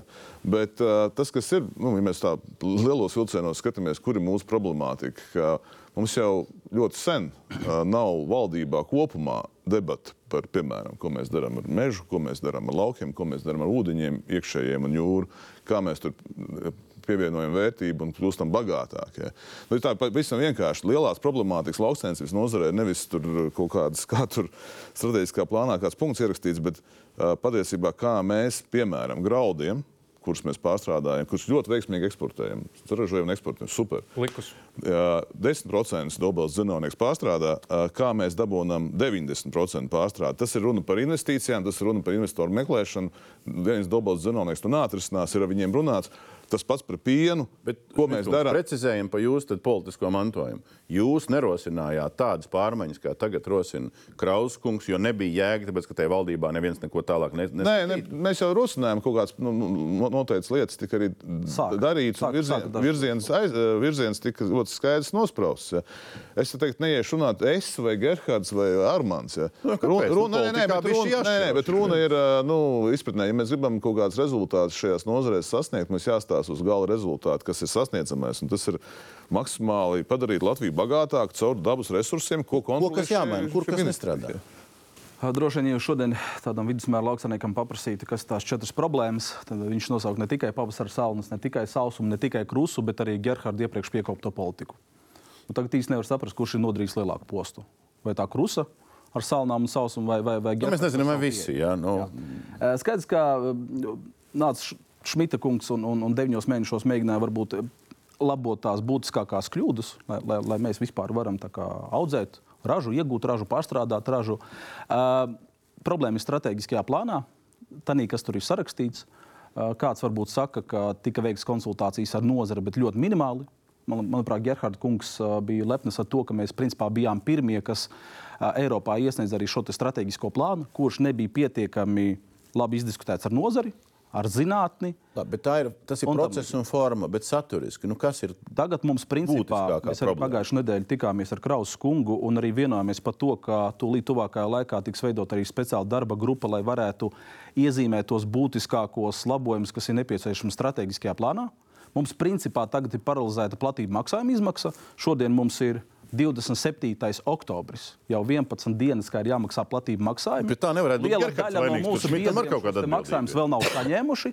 Mēs vēl divas dienas atpakaļ tikāmies ar ministrijas pakļautības iestāžu speciālistiem, lai saprastu, kas ir tā informācija, kas mums līdz tam 5. novembrim ir jāiesniedz, lai mēs dabūtu papildus tos maksājumus, ko sauc par ekosēmām. Viss ir salaists pilnīgā dēlī. Tagad, principā, mēs pat īstenībā nevaram saprast, Viss ir salaists pilnīgā dēlī, bet Un Šmita kungam ir jāatbild par to. Tagad ne? ir jālabo. Un tas, ko es gribētu teikt Kraus kungam, eh, Šmita kungs teica par simts dienām, nav simts dienu.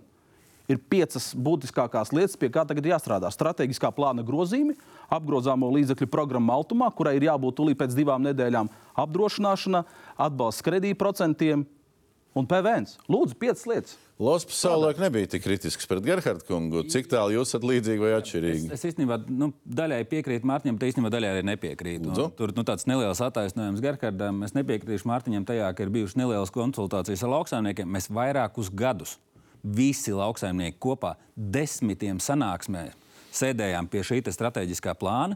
Es teiktu, viņš ir tāds nu, kompromisu kompromiss. Nevienam ne īsti labi, nevienam ne īsti slikti. Kur ir problēma? Tad, kad ieviešot plānu šobrīd, mēs redzam, ka tur ir tik sarežģīti, ka lauksaimnieks parastais, kuram būtu jāsēž traktorā, pusi no laika pavada pie datora. Nesaprotot, kā to uzrakstīt, kas tur ir jāpilda, kurā lietā, kāda sistēma. Mēs, mēs paši arī Mārtiņ, esam vainīgi pie tā, ka mēs esam pavilkušies līdzi birokrātijai, piekrituši šim visam. Strateģiskais plāns. Nē, nē, Tā tā, tā, mēs visu saliekam rasolā kopā. Ja? Uh, Nē, nē, piekrītot, uh, vienkārši ir, ir kaut kādas lietas, nu, ka- kas ir bl sliktās blaknes, esot 27 valstu savienībā. Strateģisko plānu neizgudroja Latvija. Strateģiskais plāns uz 1100 lapas pusēm. Strateģiskais plāns katrai dalībvalstī. No nevienas ministrs pēdējās padomēs, kur es biju, kas būtu bijis diskusija, kā ieviešās plāns, neviena laba vārda nebija. Tā ir nu, tā birokra- Cits jautājums, cik mēs spējam paši nepielikt klāt. Ja? Muļķības. Uh, un es teicu, arī nemetīšu baigo akmeni par Gerhardu, tāpēc, ka tāds strateģiskais plāns kā tagad, viņš bija pirmo reizi. Un skaidrs, ka tur nu, piedošanu, sastrādāts bija viss kaut kas. Un Tagad gan man bija ravēt, gan Armandam, gan nākamajam būs ko ravēt tur ārā. Un, uh, Un, uh, un rīkoties. Bet es vēlreiz saku, tā nav īstā lielā debata. Ja mēs gribam debates, par ko vajadzētu veikt, tas ir par to, kā mēs uh, pievienojam vērtību un eksportējam vairāk. Un, tas ir tas, par ko vispār nu. jāsāk. Un tad mēs tur noturināsimies līdz vietējiem tirgumam ja, un PVN, kas ir pilnīgi sekundārs, absolūti jautājums īstenībā. Man ja mēs runājam par valsts kopēju attīstību. Šķiet, ka šis viss ir nu, nedaudz teātrāli. Jo patiesībā strateģiskais plāns gāja tur, kur lobby vēja pūta. Un arī vismaz viens vai pāris kungi no šeit sēdošajiem ir kopā ar Gerhardu šo plānu nu, ļoti ciešā sadarbībā veidojuši. Un savukārt, atgriežoties pie KLP mērķiem, pie kā mēs uh, ķerāmies šķiet no šo jautājumu, tad uh, nu, atzīmēšu, ka bioloģiskā lauksniecība atbild uz visiem, visiem šiem mērķiem, tāpat kā uz visiem ANO 17 ilgspējīgas attīstības mērķiem. Izņemot uz vienu, kad viņi nevar ekonomiski pamatot pārdot šo produktu tā, lai cilvēki to tā ir tā nelaime. Ja tas būtu tā, tirgus nebūtu 20 gadus Tad audzis nebūtu arī pie, pie 500 saimniecības, nebūtu izkritušas ārā. Es ne, neuzbraucu daudz- jo pateicoties šim strateģiskam plājam, plānam, konvencionālā saimniecība var savākt lielāku atbalstu nekā bioloģiskā. Jā, Un Tas jā. ir skandalos ministrijas Muļķības. lēmums. Nē, Nē, tas nav jā, jā, bet es, protams, saku ir jautājumā, kas absolūti nav manējais. Es, es atvainojos. skats no malas vismaz iedod Jā, la, la, es neesmu lauksaimnieks. Un, nu, Nu, lai vispārējais. skatītāji arī vērtē. Bet, bet eh, jebkurā gadījumā es gribētu Jo teikt, tie ka laiki, kad mēs fanojām par apšiem, man liekas, ir aizgājuši prom. Man liekas, ka fanot nevajag vispār neko. Fanot vajag par ieņēmumu kāpumu valstī katrā nozarē. Par to, tas būtu Jā, jābūt. jā, fanot. un tas- Nevis bioloģiski, konvencionāls vai vēl kaut kāds. Tas, ka lai mēs gūstam Bet plusu, skatāmies, kāds ir tas sausais atlikums. Ne, Sausais Tas atlikums ir- izmē- izmērāms, vai ne? uh, ļoti lielā mērā izmērams naudā. Jā, Īstenībā ļoti lielā mērā arī izmērams. citi, ko mēs vispār šeit neviens ne- nerunājam. Es Tas īstenībā- man Es pārsteidz. īstenībā gribētu vienu, vienu sīku pieminēt, ko Digis savā laikā teica par bioloģisko pārtiku. Man ļoti patika, ka mums ir jāaudzē pieprasījums pēc bioloģiskās pārtikas, tad sakārtosies nozare. Jo kāda ir šobrīd situācija par bioloģisko pienu? Uzpircējs maksā mazāk kā par konvencionālu. Bet tā, nav ir arī, situācija. tā ir arī uzņēmējdarbības sūdzība savā ziņā, jo šajā aspektā mēs esam pēdējā vietā Eiropas Savienībā. Citās valstīs šis jautājums ir normāls. Ne, jautājums, vai mēs gribam Un, piepildīt tiek cieņpilni reliģijas, vai mēs darbs. gribam racionāli redzēt, eh, objektīvi redzēt laukumu un rīkoties tajā, lai mēs sākam arī šajā nozarē dzīties pakaļ Lietuvai un Igaunijai. Vai arī mēs te tagad runājam par reliģijām, kas ir pareizāk, bioloģiski vai konvencionāls. Mēs nekur nenokļūsim. Būs, tas ir patērētājs, kurš izvēlēsies bioloģisku, konvencionālu vai vēl kaut kādu, vegānisku vai vēl un tam līdzīgi. Un nav mums valstiski jāveicina viens vai otrs uh, virziens ide, ideoloģijas dēļ, ienākumu dēļ, labklājības dēļ. Šitas, šitas ir būtiski. Pie šitā drusku lūdzu apstājamies. Ja?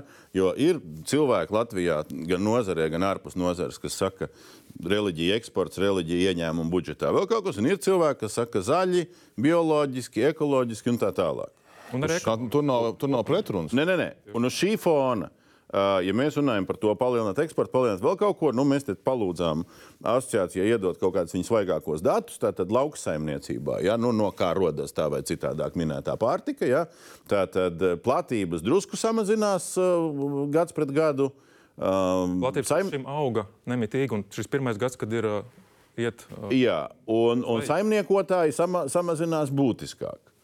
Nu, tad, tad šis ir tas jautājums. Ja? tas ir Nu, vai labs mēs to gribam? ir Cilvēks, viņš grib dzīvot Subsīdiju laukos, politikas, viņš grib saimniekot laukos, viņš grib ražot.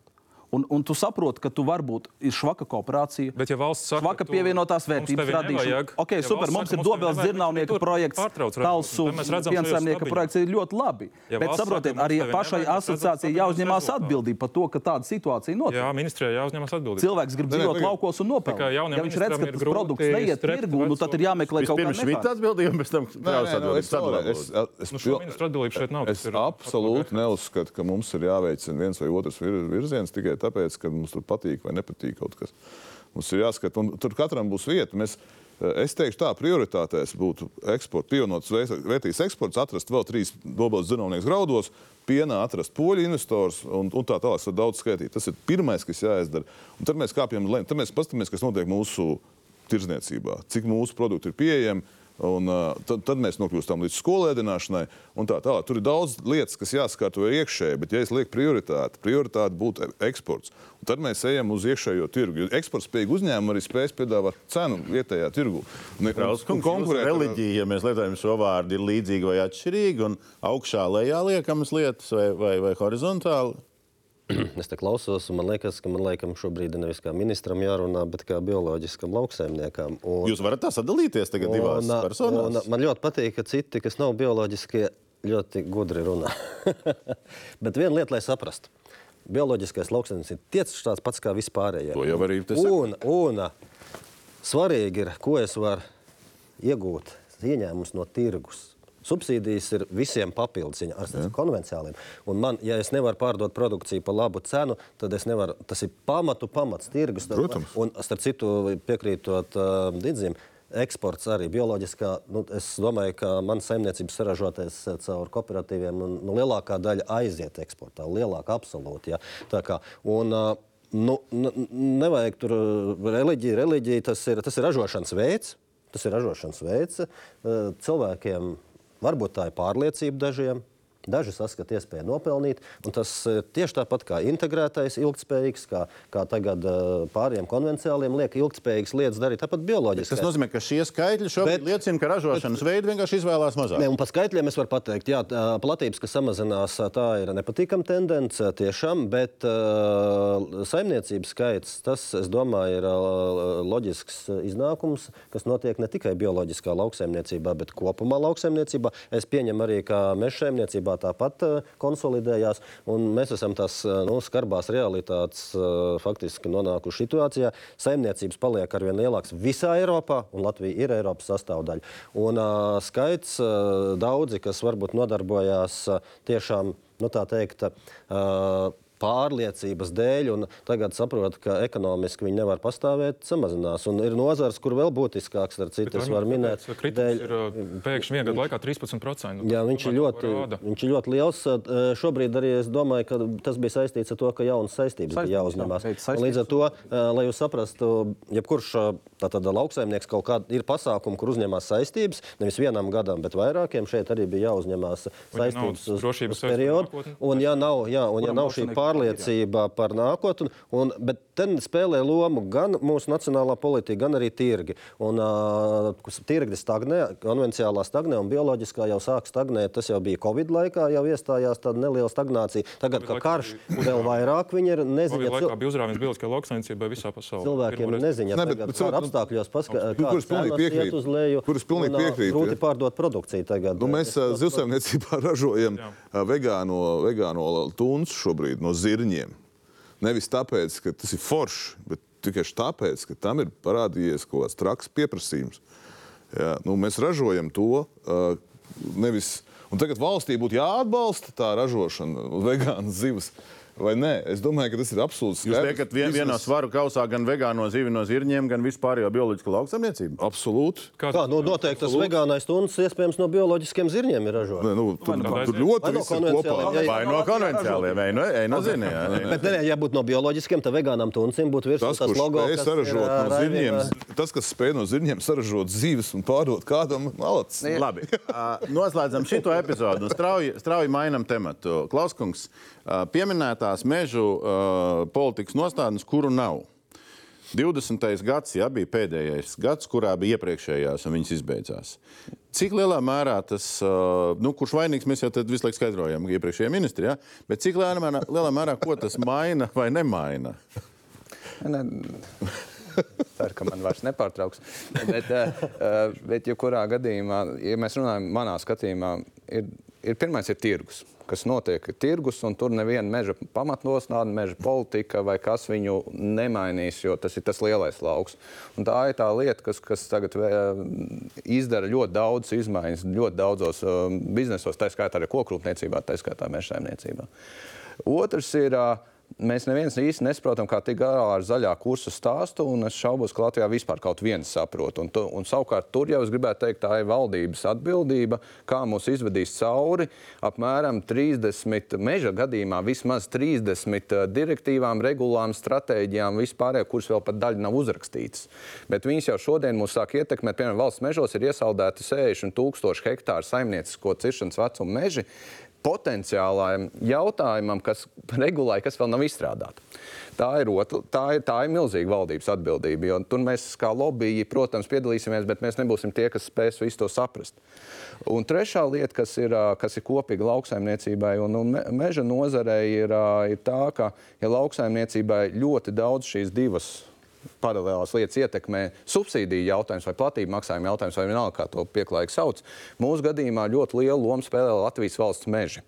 Un šobrīd Latvijas valsts mežos, uh, uh, un tā ir vēl viena lielā tautsājumniecības problēma, mēs esam pārvērtuši valsts kapitāla sabiedrības no tāda saprotama komerci likuma subjekta, kura, kura, kuram īpašnieks ir valsts. Jā, tā ir īpatnība, bet jebkurā gadījumā viņa mērķis ir pelnīt naudu un, un, un, un sasniegt arī īpašnieku mērķis, kas manā skatījumā nav tikai maksimizēt peļņu, jo valstī nedrīkstētu būt šis tikai vienīgais mērķis. Savukārt mēs esam pārvērtuši lēnām Latvijas eh, kapitāla sabiedrības par ierēdniecības. Uh, pagarinātu variantu ne ar to, ka ierēdniecība viņas diktē, bet ar to, ka kapitāla sabiedrību institūcijas vairs nepieņem lēmumus. Es tūlīt pabeigšu. Piemēram, šobrīd mēs esam situācijā, ka Latvijas valsts meža ilgtermiņa skujkoku zāģbaļu piegādes cena zāģbaļķim pareizinot ar divi, jo no viena vien kubikmetra dēļa var saražot no diviem kubikmetriem baļķa. Viņš jau šobrīd pārsniedz dēļu cenu pasaules tirgos. Un, lai šo jautājumu atrisinātu, mēs nevaram atrisināt nu, ne ar valdi, ne ar padomi, pat ne ar akcionāru iesaisti. Paldies ministram, kurš ir apsolījis iet runāt valdības līmenī. šo jautājumu. Šos jautājumus. Nu, ja lauksaimniekiem ir ko teikt, sakiet, bet papreparējam. Tātad iepriekšējā valdība, es paskatījos speciāli rīcības plānu, ierakstīja nu, jūsu personā, ja, ja mēs tā skatāmies, rīcības plānā, ka meža nostādnes būs līdz 26. gadam, ne līdz 25. ne līdz 24. bet līdz 26. un 6. gada oktobrim, ja, tad, tad nu, maksimālo termiņu. Es nezinu, es šaubos, ka jūs lobējāt vai ne tik ilgu termiņu šim dokumentam. Nē, Plus jūsu laikā Latvijas valsts meža no mm, pil, nu, pilna spēka padomes ir ieguvusi pagaidu padomi, kura izteica neusticību valdei, kura arī ir pagaidu valde. Tagad. Nu, nu, tad iepratīm šim, ko mēs sakam, uz kurien mēs ejam. Nē, nu, tur uh, par attiecībā par padomēm un valdēm. Tur, kā lai tur tagad pasakā, pieklājīgi. Nē, nu, es, Ā, Tas bija. Nē, nu, mēs formāli varam pieiet. Iepriekšējā padomē visi nolika savus mandātus. Ja. Tik iecelt pagaidu pa- padomu, un kur, kur būs konkurss gan uz valdi, gan uz padomu. Ja. Padomas pilnvarās bija lemt par valdi. Ja. Mēs ā, aizkulisēs visi saprotam, ka ā, lielā mērā valdes maiņa bija mēģinājums novērst ā, kaut kādas ā, privātas intereses valsts uzņēmumā. Ja. Es tālāk nevaru teikt, bet tik daudz es varu pateikt. Ja. Un, nu, mēs, manuprāt, tikām pie profesionālas padomas, kas, lai arī tā ir pagaidu, valdes lielā mērā arī, kas nāk no uzņēmuma iekšpuses, nevis iecelt no kaut kurienes ārpuses šobrīd. Un, uh, nākamā ministra, nu, mēs nepaspēju, kā saka, Armandam ir uzdevums uh, noslēgt šos konkursus un uh, iecelt gan pastāvīgo padomu, gan pastāvīgo valdi. Klauskungs runā par kaut kādu kursu, kurš vairs nav saprotams. no Jā, bet, bet, bet nē, tas kurs ir pilnīgi saprotams privātā sektora arī. Ja mūsu padomu ar īpašnieku vairs nevar sastrādāties, vai nu viņi atlaiž, vai viņi pat aiziet. Un, un, un ļoti līdzīgi ir ar valdi. Tas ir normāli, kā, kā biznesā tas ir pieņemts. Un, bet tajā brīdī, kad viņai ir, tad īpašnieks uzticās. Ar Latvijas likumdošanu šobrīd ir novērsta uz to, ka ar mans izšķērdēšanas likumu, ar visām pārējām lietām, principā valsts kapitāla sabiedrības pārvaldības struktūras vairs nav autonomas. Viņa, viņas ir sasaistītas gandrīz kā aģentūras vai kā, kā valsts iestādes. Un tā tu nevari vadīt kapitāla sabiedrības, ir īpaši milzīgas kapitāla sabiedrības. Šajā gadījumā nav personālajās tik daudz problēma.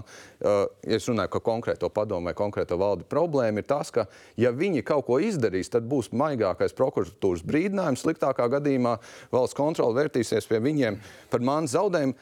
Absurdā situācijā mēs kā valsts, kā īpašnieks, uh, ir gatavs pieņemt to, ka šobrīd jau par 10% mums nodarbinātība samazinājusies pēdējā gada laikā. Mēs esam diezgan lielās ziepēs šobrīd ekonomiski. Nu, bet rezervītas ir. Nē, Nu, nevar ir, bet, bet skaidrs, ka 10% nodarbinātība tik lielā nozarē uh, samazinājums nav uztraukuma ie, iemesls nekā, piemēram, ļaut mums līgumus, kuri bezjēdzīgi dārgi noslēgt arī daļai savu vainas dēļ. Tur nav no ko noliegt. Neļauj mums šo saistības pārlikt uz vēlākiem laikiem. To, ko valsts pārmet bankām šajā pašā sektorā, saka, kāpēc jūs tā darat. Tad, kad mēs ejam pie valsts sektora, viņi, viņi uzvedās precīzi ar tiem pašiem argumentiem, Bet, kā bet, bet šim uzstādījumam būtu jānāk nevis no valdes bet, vai padomes, bet no ministrijas kā kapitāla daļa turēt. Es gribētu teikt, ka īstenībā tam vajadzēja beigties uh, maksimums padomē, jo padomē ir jābūt tiesībām pieņemt šādus lēmumus. Šobrīd absurdums mūsu valstī uzbūvēts tāds, ka nu, pat to akcionārs nevar izlemt. Mums būs jāiet uz valdību un jāatbūvē valdības rīkojums saimnieciskiem lēmumiem. Te ir da- daudz arī noklusējumu jā, par to, kā iejaucās vai neiejaucās kapitāla sabiedrības darbā un tā tālāk. Jā. Nu, šo valdību veidoja iepriekšējā valdības, atvainojos, veidojot Kariņu, Kariņu vadīto valdību. Piemēram, man tika izteikts vēlējums pusstundu pirms oficiāls paziņojuma par to, ka būs šī valdība. Vēlējums man bija, dari, ko tu gribi valsts mežos, bet nomēr, lai tur nekad vairs nebūtu Pēters Putniņš. Jā. Kas to teica? Krišāns Kariņš. Klātesot Rinkeviča kungam arī tajā brīdī. Uh, nu, mans, mans, es tagad stāstu, kā tas ir, lai mums nebūtu tukša saruna. Nu, savukārt es padomēju, pateicu, ka eh, dēļ šī iemesla Pēteri Putniņu pilnīgi noteikti nedrīkst atlaist. Ja viņš slikti strādā, tā ir cita lieta. Jums ir brīvība uz to, bet nekādā gadījumā uh, tāpēc, ka kāds ir šādi vēlējies. Ja? Un tad tev ir pielaidi, kas tev tiek saņemta pusgadu. Ilgāk. neatlaidāt Tev, par spīti Kariņam. Tā var saprast. Es, tagad. mans uzstādījums, es domāju, ka ja padomus locekļi teiks atklāti, tā tā būs. Es, mans uzstādījums bija nekādā gadījumā neatlaist, tāpēc, ka to pieprasa Kariņš. Bet objektīvi vērtēt, ja, ja tiešām nemāk vadīt uzņēmumu, tad, tad ir pilnīgi brīvība padomē. Ja. Es vienkārši izstāstu šo, lai eh, savādāk mēs runāsim apkārt riņķī. Paldies, tas ir, ļoti tas ir, tas, ir ļoti tas, eh, kā īstenībā notiek. Ja. Nu, es nezinu, vai Armāns ir saņēmis uzstādījumu, ka viņš domās no premjeras, ja, ko darīt ar Pēteru Putinu. Bet zinu, vēl es simtprocentīgi koalīciju. zinu, ka uh, viņš saprot, Armāns, par ko es runāju šobrīd. Nu, mēģinām tikpat atklāti paturpināt. Kādi ir uzstādījumi par Latvijas valsts mežiem? Es varu pilnīgi droši teikt, ka es neesmu saņēmis nekādas uzstādījumus un norādījumus no premjeras. Process šobrīd aiziet tiesiskā veidā, nu, tā kā tam ir jābūt. Šobrīd padomē pilnvars beidzās martā, valdei, mm, es nemaldos, maijā. Priekšsēdētājiem ir 27. gads, viņš ir vienīgais, kurš ir apstiprināts un nav pagaidu. Līdz ar to mēs Faktiski jau tas ir iepriekšējā ministra laikā bija uzsākts darbs pie valdes jaunas procedūras, lai būtu jauna valde. Nolikums tika izstrādāts vistuvākā laikā. Es domāju, tas tiks virzīts uz priekšu, un arī padomes jaunas konkurss tiks virzīts uz priekšu, kas būs publisks. Ar nominācijas komisiju, kur iesaistītas gan nevalstiskās organizācijas, uzņēmēji, tā LDDK, man liekas, Rūpniecības kamera, tur ir valsts um, kancelēs pārstāvji. Tā kā process notiek. Tas, ko es noteikti gribu, ka mm, valsts uzņēmuma pārvaldība tomēr ir tāda efektīva, un es uzskatu, ka esošā padoma ar pieciem cilvēkiem var nebūt tik liela. mans uzstādījums ir, ka mēs visur, kur iespējams, samazinām gan valdes, gan padomu. Valde paliks tāda pati, pieci cilvēki sastāvā. Tas ir milzīgs uzņēmums, strateģisks uzņēmums. Tas ir pareizi, ka ir pieci cilvēki. Padomē, mans uzstādījums ir, ka jābūt trīs cilvēkiem. Tātad viņa uzraudzības funkcijas. Es varu teikt tikai to labāko par šī brīža padomus vadītāji, ar visiem es neesmu iepazinies.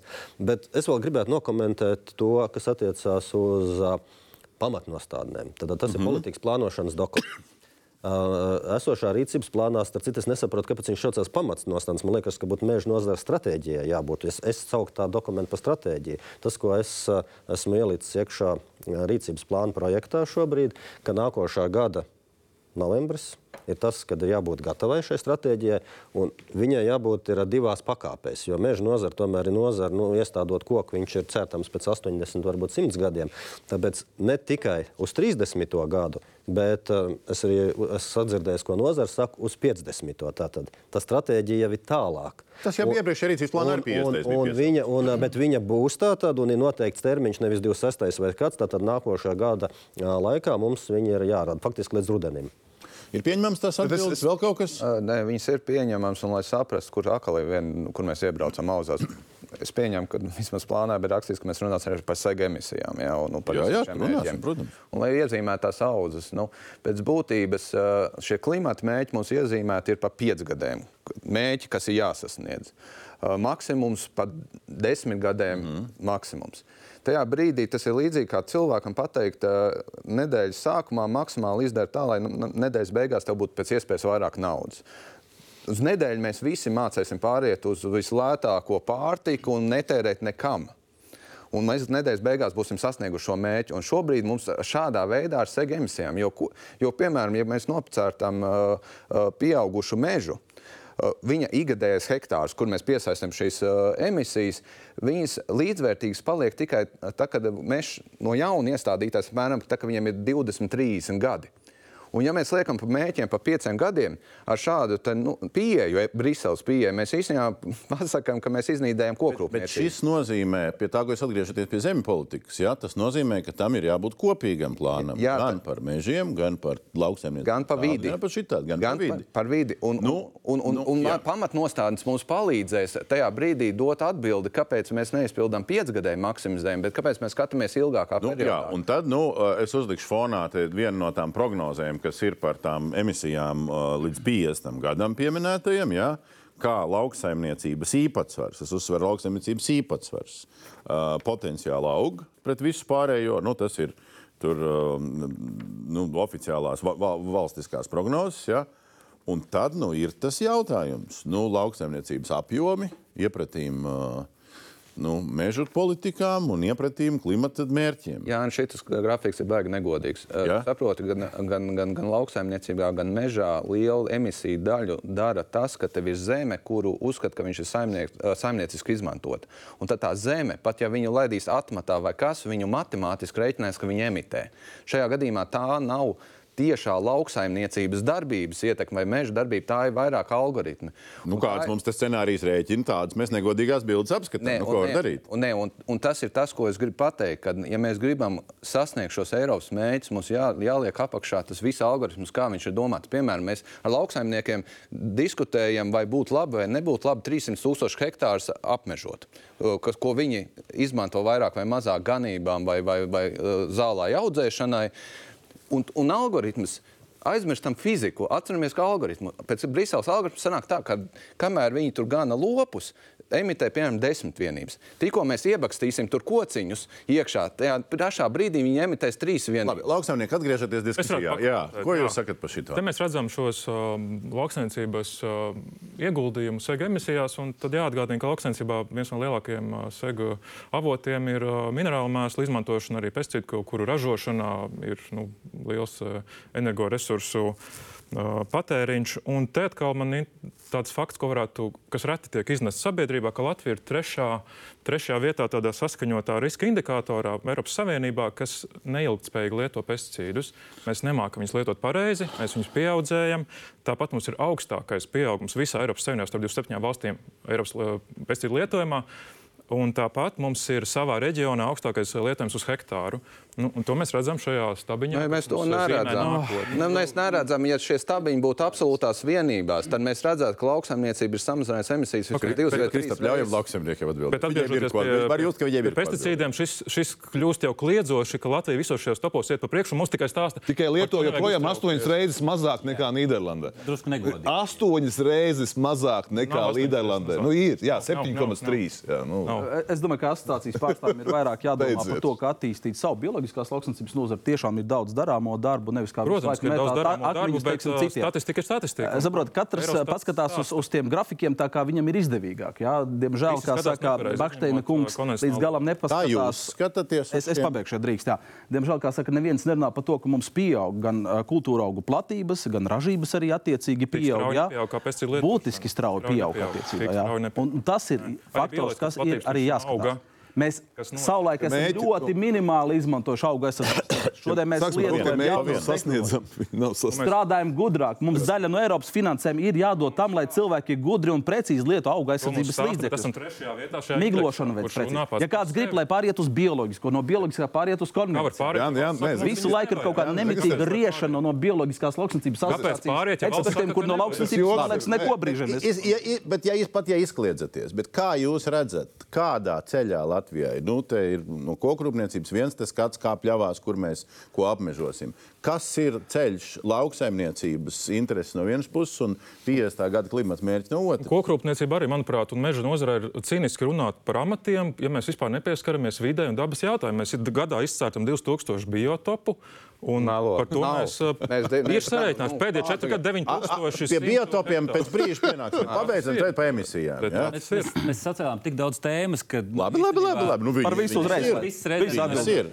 Tad, tas, ko mums tādā tād kopējā politikā vispār vajadzētu saprast, ā, mēs dzīvojam vienā kopējā tirgu, kas ir Eiropas Savienība. Tad mums vajadzētu vismaz, nu, nu, vismaz līdzīgus noteikumus visiem. Ja mums ir kaut kas samazināms, tad nevis procentuāli pret to, kas mums ir jāsamazina pret citām valstīm, kuras lieto, kā Digis teica, tur septiņas reizes vairāk, par 50% no tā, kur mēs esam. Bet nu tā, tad izlīdzinām to visu Eiropā. Tas Bet, pats, ja mēs nacionāli gribam uh, citādāk īpatsvaru, tur, tur, nevis izlīdzināties, tā ir mūsu politika. Drusku cita problēma. Uh, tas, tas, ko es vienmēr teicis, spēja sevi nodrošināt ar pārtiku, uztveram to kā nacionālās nozīmes drošības jautājumu. Mums 80% sabiedrības nespēja nopirkt dārgu bioloģisku pārtiku. Nu, būsim godīgi.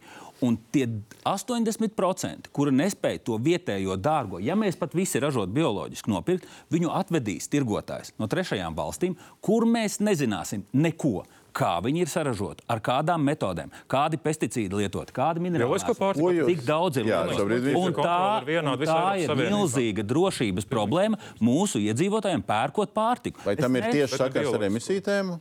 Tam ir tieši sakars ar emisiju tēmu. Tādā ziņā, ka mēs gribam būt pirmajā vietā Eiropā, samazinot visu tā, kā mums liek, un saka, nepaskatoties ekonomiski pēdējā. uz mūsu nē, zini- valsts attīstību. Tas, kas bija iepriekšējās valdības deklarācijā ierakstīts, visus lēmumus par ierobežojumiem izvērtējam sociāli-ekonomiski.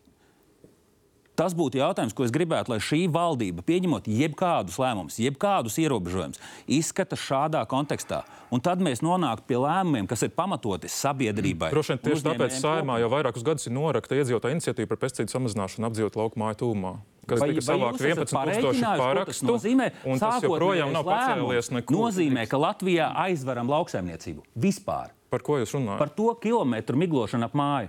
Vai jūs, Nav, Latvijas teritorija aizliegta. Tematam jūs atceraties, ka Jā, šis kilometrs tika Bet, jā, atcelts jā, ja drīk, drīkst viena lieta, mēs zinām, kur, kur tā problēma. Tāpēc, ka te kaujās biznesa, biologi, kokrūpnieki, konvencionāli. arī pieeja. Jā, bet, Arī bet pieeja. tā kā mēs runājam par zemes politiku, ir jārunā par zemes politiku, mēs runājam par zemes īpašnieku, neatkarīgi kādu biznesu viņš veids virsū. Bioloģiskā lauksaimniecība, taisnība, ka mēs biotopus esam Eiropas nozīmes biotopu nocirtuši. Tik tālu taisnība, ne tik lielos apjomos. Bet tajā brīdī, kad, kad kad, paņem, mums pārmet par to, ka mēs esam to izdarījuši, vai precīzāk, zemes īpašnieks to izdarīs un izdarīs izvēles ar 50 vai 40 tūkstošu eiro ieņēmumu šogad, vai 160 eiro gadā kompensāciju turpmākajā periodā, un teikt, ka jūsu namadziņu mirstat nos, jo valsts neatbalsta. Bet meža zemes īpašniekam, kam ir mežs prasīt, vecīt, tu atsakies no desmitiem tūkstošu ienākumu, ir kaut kā drausmīgi dīvaini. Tāpēc zemes Iedodam, vā, iedodam vārdu politikas taisītājai, lai viņi arī izsakās. Ja jūs baigi labi te norunājāt, tagad šī Tas laukums tur varētu tiešām desmit raidījumus un viss, viss interesants uztaisīt. Bet, ja lielos vilcienos, tas, tas, tas, tas, nu, tas 50. gada eh, klimata vaiprāta eh, kuģis, nu, viņš sāk stāties. Ja. Viņam ir beigā inerts. Zinājums jau ir ieslēgts apakaļgaitā, bet viņš jau turpina braukt. Stāties Latvijā vai Eiropā? Ā, Eiropā mēs esam province, līdz kurai tās atnāks tās ziņas vēlāk. Bet, ā, nu, var, piemēram, redzēt, nu, EPP grupa, ja, Tautas partijas grupa Eiropas parlamentā. Nu, jau zaļo kursu un klimatu griež priekš zemniekiem. Nu, tas, tā ir politika priekš zemniekiem, nevis vairs priekš dabas. Ja. Un Nu, labi, tas, tas atcelts tas- nav. Tie mērķi nav izpildāmi. Tie mērķi nav izpildāmi, ja mēs, te ne, ne, vienkārši- mēs varētu aizbraukt no Latvijas, neko ne, nekustināt, neārt zemi, necirst mežu, un mērķis visticamākais nebūtu bet izpildīts. mums jau mērķis ir valstī, ne jau lauksamniecībai. Nē, nē, nu, es runāju kopumā par mērķi. kopumā? Mērķis nav iespējams. Jā. Nu, viņš nav Bet sasniedzams. viņš ir spēkā. Jautājums te, te būtiskākais būtu nenozāģēt pašiem savu kājas, pirms tiks atzīts, ka to var nedarīt. Jā. Jo pēc tam grūti piešūt klāt. Uh, uh, nu, tā kā to, nu, ir jau viena tā lieta, ka tu sēdi Eiropas padomē un viss lieto teikumus joprojām zaļais kurs un climate change, un tad izslēdz mikrofonus. Ja. Nu, Pieslēgtiem mikrofoniem viss ministrs saka, klausies, mēs jau sen tur lēžam apakaļ. Labi, uh, Krauskungs, pie ieslēgtiem mikrofoniem, ā, pie ieslēgtiem mikrofoniem situācija, ka ZZS ir arī klimata un enerģētikas ministrs tagad. Nu, cik lielā mērā jūs redzat kaut kādu skaidrību tam kursam, kad mērķis ir, Šmitkungs saka, ka kuģis apstāsies, bet pagaidām mērķis ir, un lauksaimniecība ir viens no nu, tiem emisiju radītājiem. Nu, pat bija ziņa no bēdīgas slavenās Slovākijas, ka neļauj klimata grāmatā stāties uh, klimata skeptiķiem. Kāpēc Latvijā tas ir noticis?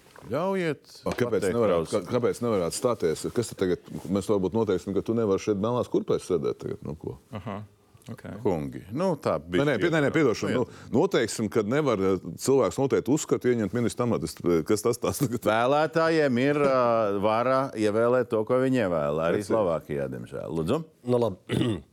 Pirmkārt, ā, man liekas, ka mums ir pirmā vietā mūsu nacionālās intereses, mūsu labklājība, ko mēs vienmēr uzsveram. Tad mums ir vajadzīga gan valsts attīstība, un labklājība mēs runājam gan par pašvaldībām, gan par budžetu. Tas ir tās sociāla-ekonomiskās Tas ir, tas ir tās sociāla lieta, gan ā, veselībai pietiekoši līdzekļus, visam pāriem. Tam visam pamatā ir ekonomika. Un uh, ekonomikas intereses un uh, vidas aizsardzības intereses ir jāsabalansē. Tāds ir mans uzskats. Mums ir jābūt biotopiem, viņiem jābūt aizsargājumiem, mums jābūt nacionālajiem parkiem un tā tālāk. Bet mums tomēr ir jābūt uh, skaidrai tādai līnijai, ka te arī ir uh, mežsaimniecība, te arī ir lauksaimniecība. Un, ā, ja mežsaimniecība ir, tad tur ir jābūt modernai, strādājot gan ar nezinu, augstu atlasītu genofondu, kas ir stādi, kur tiek stādīts mūsu Latvijai piemērots, gan arī tehnoloģijām un visām pārējām. Un, tādā veidā mēs gan saglabājam dabu, gan arī redzam šo e- pienesumu ekonomikai. Ja runā par tām sega emisijām, tad tur man liekas, ka Es pat pieļauju, es varbūt kļūdos, ka neviens no mums šeit klātesošiem ritīgi līdz galam nesaprot, kas tur ir savaidots tajā Briselē. Un, uh, mm, Neviens es teiktu- neiebilst arī šādam apgalvojumam. Es domāju, ka tas diezgan eh, diezgan, bet līdz galam mēs ne, noteikti nesaprotam. Un Tāpēc, bet tās arī mūsu nacionālās intereses ir. Jo mēs nevaram, piemēram, pieļaut, nu, piemērs ir kūdras nozare. Es vienmēr esmu uzskatījis, ka eh, kāpēc mēs esam sliktāki par Somiem. Mans piemērs par to, ka Somija tagad, kad bija Krievijas uh, energokrīze, viņi saveda kūdru pie savām pilsētu centrāla apkurses katlmājām, kalniem. Un izmantoja to. Mēs Latvijā to neizmantojam. Bet, Krauskungs, ir- neejot tās garās līdzībās. Tās ir Nē, nē, nē, bet tātad, ne- kas ir mūsu nacionālā interese? Apsildīt uh, tātad, ciemats pilsētu ar mūsu vietējo resursu Jā. vai fosilās gāzes iepirkšanu. Bet, bet no uz šī fona šausmīgi vienkāršs jautājums. Iepriekšējai valdībai bija jau termiņš, kas nebija izpildīts, pārskatīt Nacionālo klimata un enerģētikas plānu. Tagad tas jaunai valdībai, jo viņš ir jāiesniedz pieminētajā Eiropā, kur visi tie kuģi staigā vai stājas, bet jāiesniedz ir.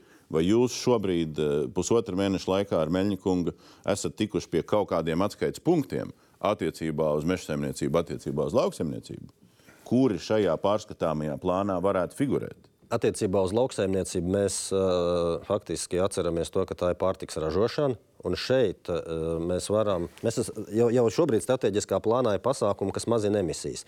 Tātad, piemēram, bezaršanas tehnoloģijas, kas ir ekoshēmās, piemēram, samazināt minerālu mēslu lietošanu, kas arī ir ekoshēmās. Tas ir esošās Tātad, lietas. Jā, bet Jautājums, viņas, kaut ko viņas, jaunu? Viņas jau ir ielikts, un mēs esam paredzējuši, nu, tātad jau, jau jau tomēr tos plānu taisot. Tā Gerharda laikā uh, jau ir ielikts iekšā lietas, kas, kas ir jārealizē. Mēs kā lauksaimnieki uh, neiesim un tagad procentus nesauksim. Mēs darām savas darbības, kas netraucē mūsu ražošanai. Līdz ar to, ja Melnis bio- teiks, vienojamies par procentiem, bioloģis- jūs teiksiet, ej biolo- projām bio-. Bioloģiskā lauksaimniecība, piemēram, uh, ekstensīvāk apsaimniekotas platības, uh, pļavas, ganības, ko ganās uh, gaļas dzīvnieki, mazāk emisijas. Procentus nesauksiet. Labi. Ja drīkst bišķīt atgriezties pie emisijām, uh, skaidrs, ka par tām lietām ministrijā tiek domāts un arī nozarē tiek domāts, bet tas tāds lielais melnais caurums, kur, kur mēs to, arī galu īsti neredzam. 40% no emisijām lauksaimniecībā pamatā rodas no zemes. Tātad, pašlaik tiek domāts par to, kā tās emisijas arī mazināt. Tāpēc tiek liekts arī būtisks uzsvars uz dažādiem papildus maksājumiem, kā Krausas kungs teica, par minimālu apstrādi, par tiešo sēju. Tiek domāts, kā varbūt dot arī papildus atbalstu šādas tehnikas iegādēji, lai mazinātu šīs emisijas.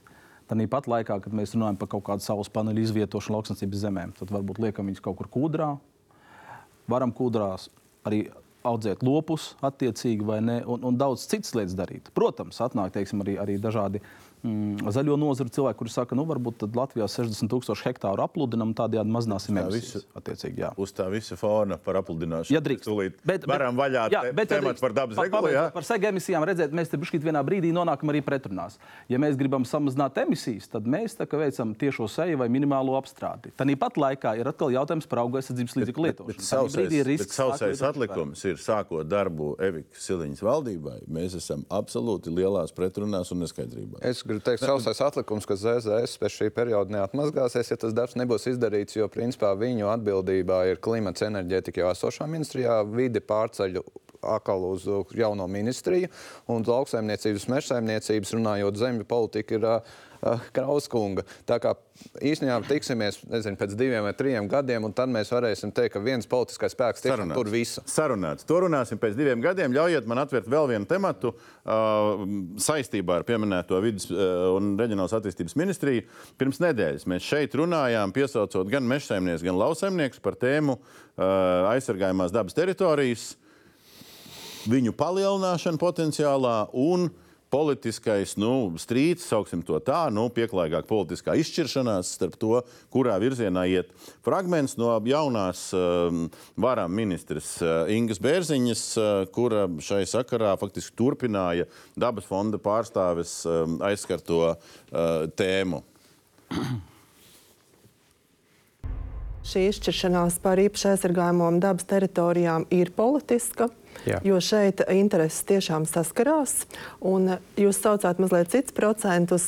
Man bija informācija, ka mums tagad um, virzot staigājumu mēža liegumus, kurus mēs plānojam virzīt uz ministru kabinetu, būs Latvijā 11% īpaši aizsargājumās teritorijas, kas īstenībā ir otrs zemākais rādītājs Eiropā aiz Dānijas.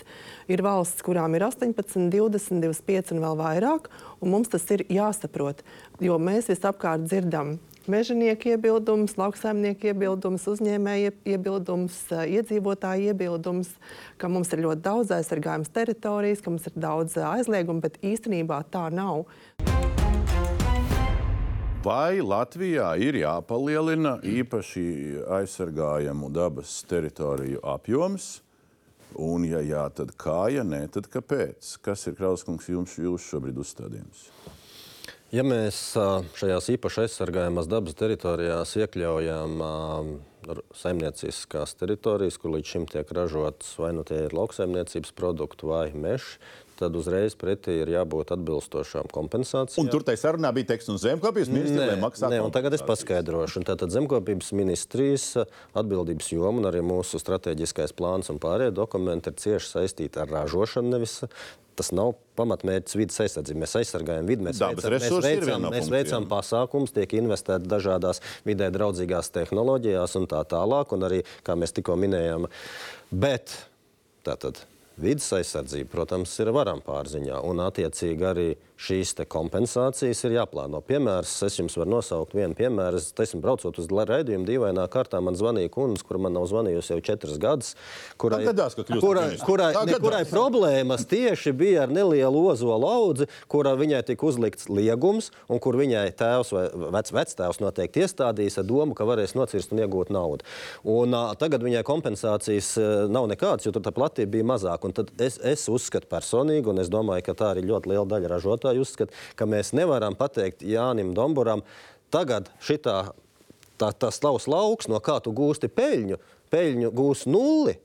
Jo viņš būs dabas liegums. Bet jūsu politiskā sajūta, ja ir kompensācijas, tad palielinām šo apjomu. Uzreiz, uzreiz palielinot apjomu, ir jābūt pretī mehānismiem, kā kompensē saimnieciskās darbības. Bet, ja zaudējumus. kompensē, tad jūs un otra, lieta, un otra lieta, kas ir ļoti būtiska, ko neskatu šajā kontekstā, es zinu vairākus piemērus, kur cilvēki paši vēlējušies, lai pļauju, nu, viņi redz, tur auga naktsvīls. Viņi saka, iekļaujiet to pļauju man īpašā aizsargājamā statusā. Atnāk eksperts un pasaka, ka tas dažs naktsvīls. Tās jau ir bet konkrētās tā, vietas, tas ir ļoti, nē, tā ir ļoti būtiska lieta. Ja cilvēks pats vēlās, tad viņš noteikti arī pļauju to vēlās kopt tā, lai viņi būtu bioloģiski bet augsti. paliekam pie valsts bet, val- politikas. bet valsts, Paliekam pie ne, valsts bet valsts politikai arī jābūt tādai, ka jāļauj, ja brīvprātīgi grib, un tur būs uh, Bet tas augsts. neaizliedz kopt. Bet, Labi, bet, ā, kas, ir, kas ir šai pusē skats? Uz ko mums jāiet? Kas, kas ir politiskā izšķiršanās? Politiski izšķiršanās risinājums iesaistam finanšu ministriju. Nē, nē, nē bet tas, tas, ir, tas ir nopietni. Uh, dabas vērtības, kas mums ir Latvijā, tas ir labums kopējais. Visai Latvijai, visiem Latvijas iedzīvotājiem. Par kopējo labumu vajadzētu rūpēties visiem kopā, nevis katram individam atsevišķi. Līdz ar to, tad, ja kāds atrod Domburkunga mežā vai pļavā kādu dabas man. Nu, vērtību, tad to kā labumu visai sabiedrībai ir jāuztur un jāsargā par visu kopējo naudu. Priekšlikums ļoti vienkāršs, kas atrisina visas situācijas. Šo īpašumu šādā platībā atsevina pēc šī brīža esošā likuma sabiedrības vajadzībām. Un viss ar to ir atrisināts. Kopēji par sabiedrības naudu uzturam šos īpašumus, un finanšu ministrija tad Jaunu saprot, vēl pārvaldītāju cik mēs To jāizdomā. varam atļauties kopā, kā sabiedrība, uzturēt šādas teritorijas. Labi, cits versijas. Nē, nu, es gribu teikt, ka mums neizbēgami nāksies palielināt šīs platības, jo tāda ir Eiropas politika. Un, nu, mēs esam Eiropas Savienības valsts. Būs, mums ir galvenais, ejot šo politiku, ne, neizdarīt pārāk dumjus gājienus. Bet kopumā platības augs.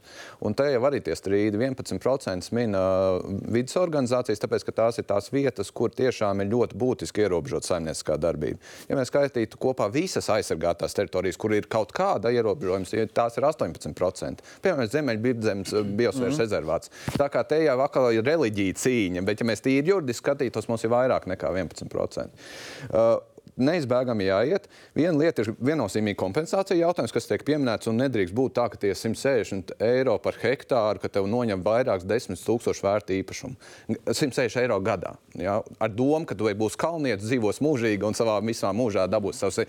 Otra lieta, kas ir jārēķina, saprotiet, tajā brīdī, kad runājam par aizsargātām teritorijām, meža gadījumā, gan vidinieki, gan kokrūpnieki jau skatās uz ciešanas vecuma mežiem. Jo tās dabas vērtības, tās lielās vērtības, par kurām runājam, par šiem biotopiem, viņi visi atrodas ciešanas vecuma mežos.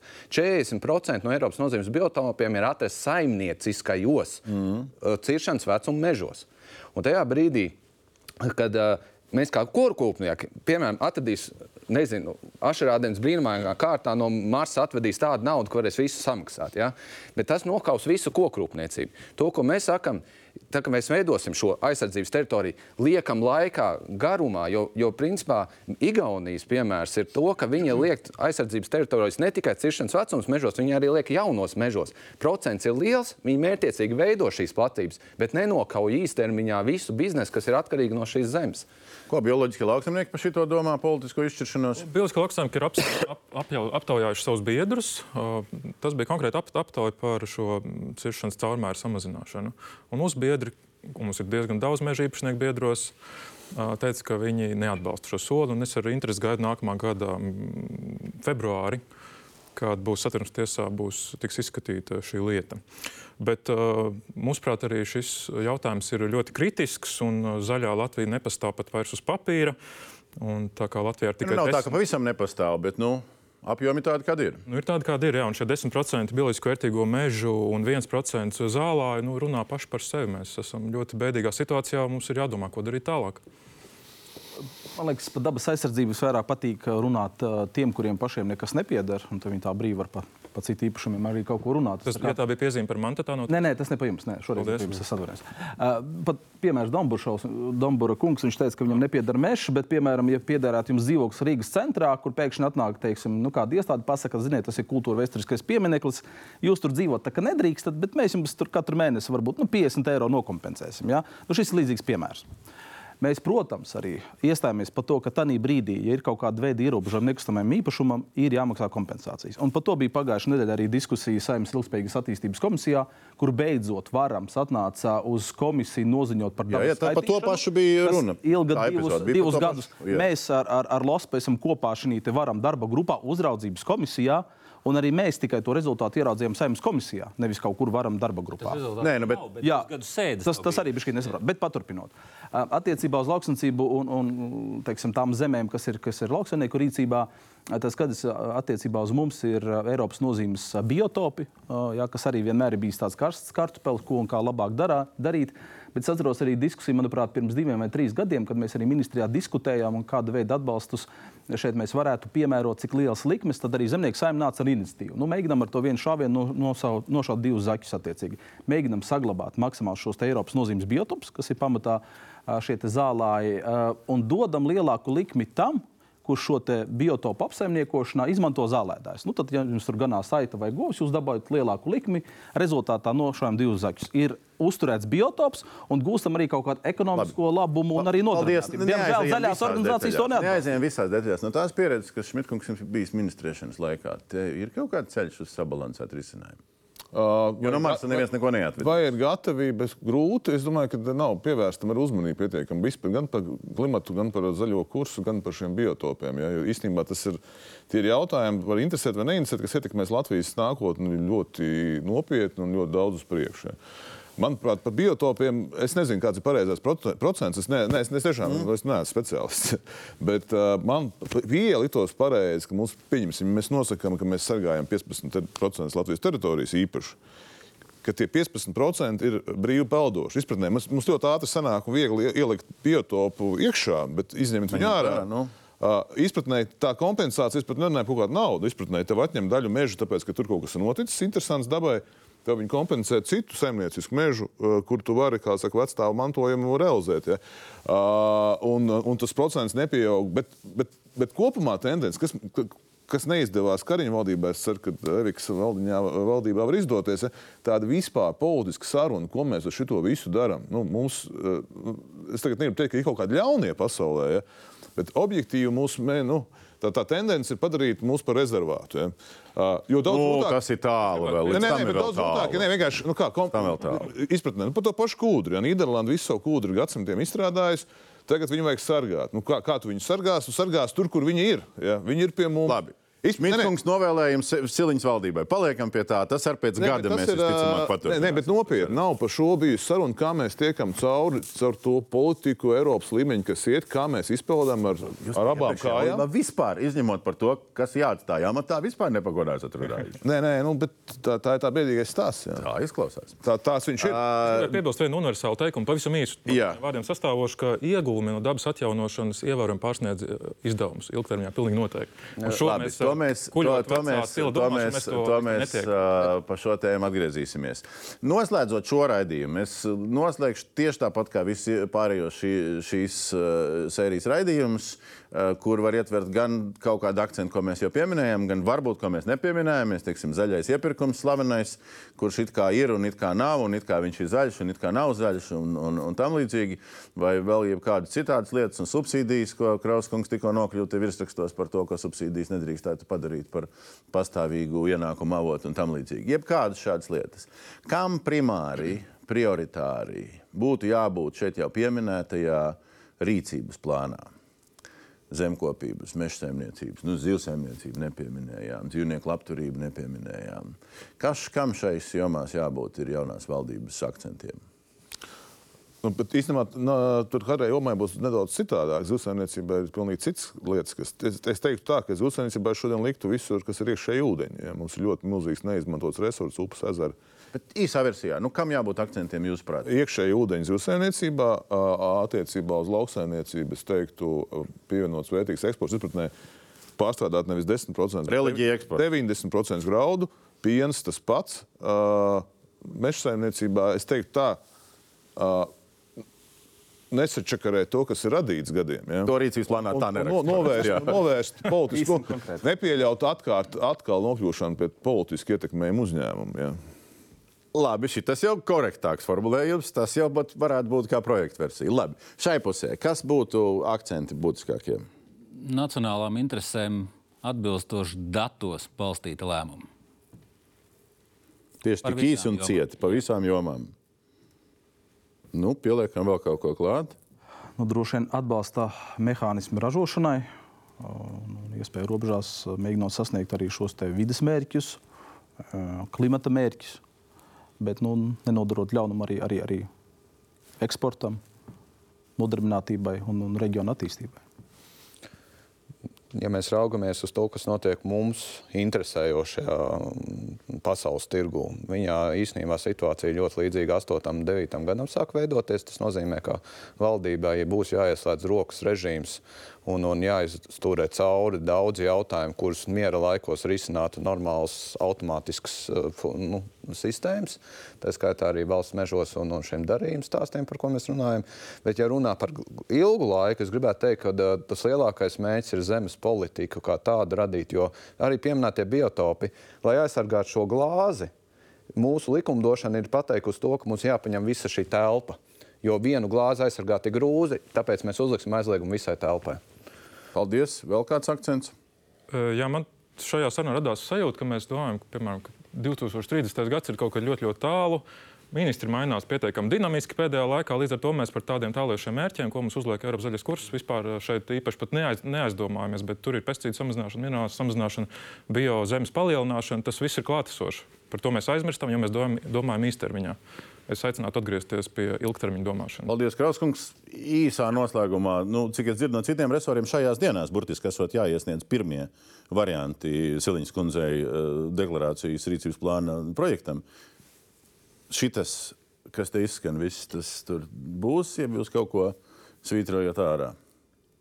Mm, Pirmkārt, bija, bija jau jāiesniedz, mēs esam nosūtījuši, vēl viņš tiks precizēts. un, Jā, tur ir iespējas vēl un vēl koriģēt. jā. Es noteikti ņemšu vērā, ko teica šeit klātesošie, un apskatīsimies, vai tur var papildināt, un vai tas ir nepieciešams. Viena lieta ir nacionālās intereses pirmā vietā, un man liekas, ka jūs arī tur to zvejnieku bildi rādot, esat uzlikuši Igaunijas laivu, jo tur ir e-burta, nevis Latvijas. Latvijas zvejnieku. Režisori Tāpēc man ir aicinājums atbalstīt Jā. vietējos. Viens no pirmiem darbiem, ko es gribu pateikt, ko es tagad darīšu, tas nav saistīts ar rīcības plānu. Tad, tad ir tiešām novērst birokrātiju un lauksaimniecībā izmantojamā zemes šīs sistēmas, kas ir radīta, viņi ir pilnīgi birokrātiski. Un tas ir mans pirmais uzdevums - atvieglot visiem lauksaimniekiem un šo neiedzību, kas ir radīta, ā, samazināt tik, cik var. Es to daru, un tas tiks izdarīts ā, tuvākajā laikā, lai būtu vienkārši ērti cilvēkiem saprotami. Paldies! Noslēdzam ar to šo sarunu. Es saku lielu paldies kārtējiem četrniekam no nevalstiskā sektora un bijušam un jaunam ministram par um, viedokļu dažādību un dažiem atklātības uh, momentiem arī, kas izskanēja. Es domāju, tas ir svarīgi kaut vai uh, pēc laika. Paldies skatītājiem par uzmanību. Sērija, kas jādara Eviks Siliņas uh, valdībai, turpinās. Nākamā sērija, septītā sērija, būs um, pirmdienā, 30. oktobrī, un būs veltīta labklājības resora vadības un varbūt arī politikas maiņai. Paldies par dalību, paldies par uzmanību. Turpinājums sekos.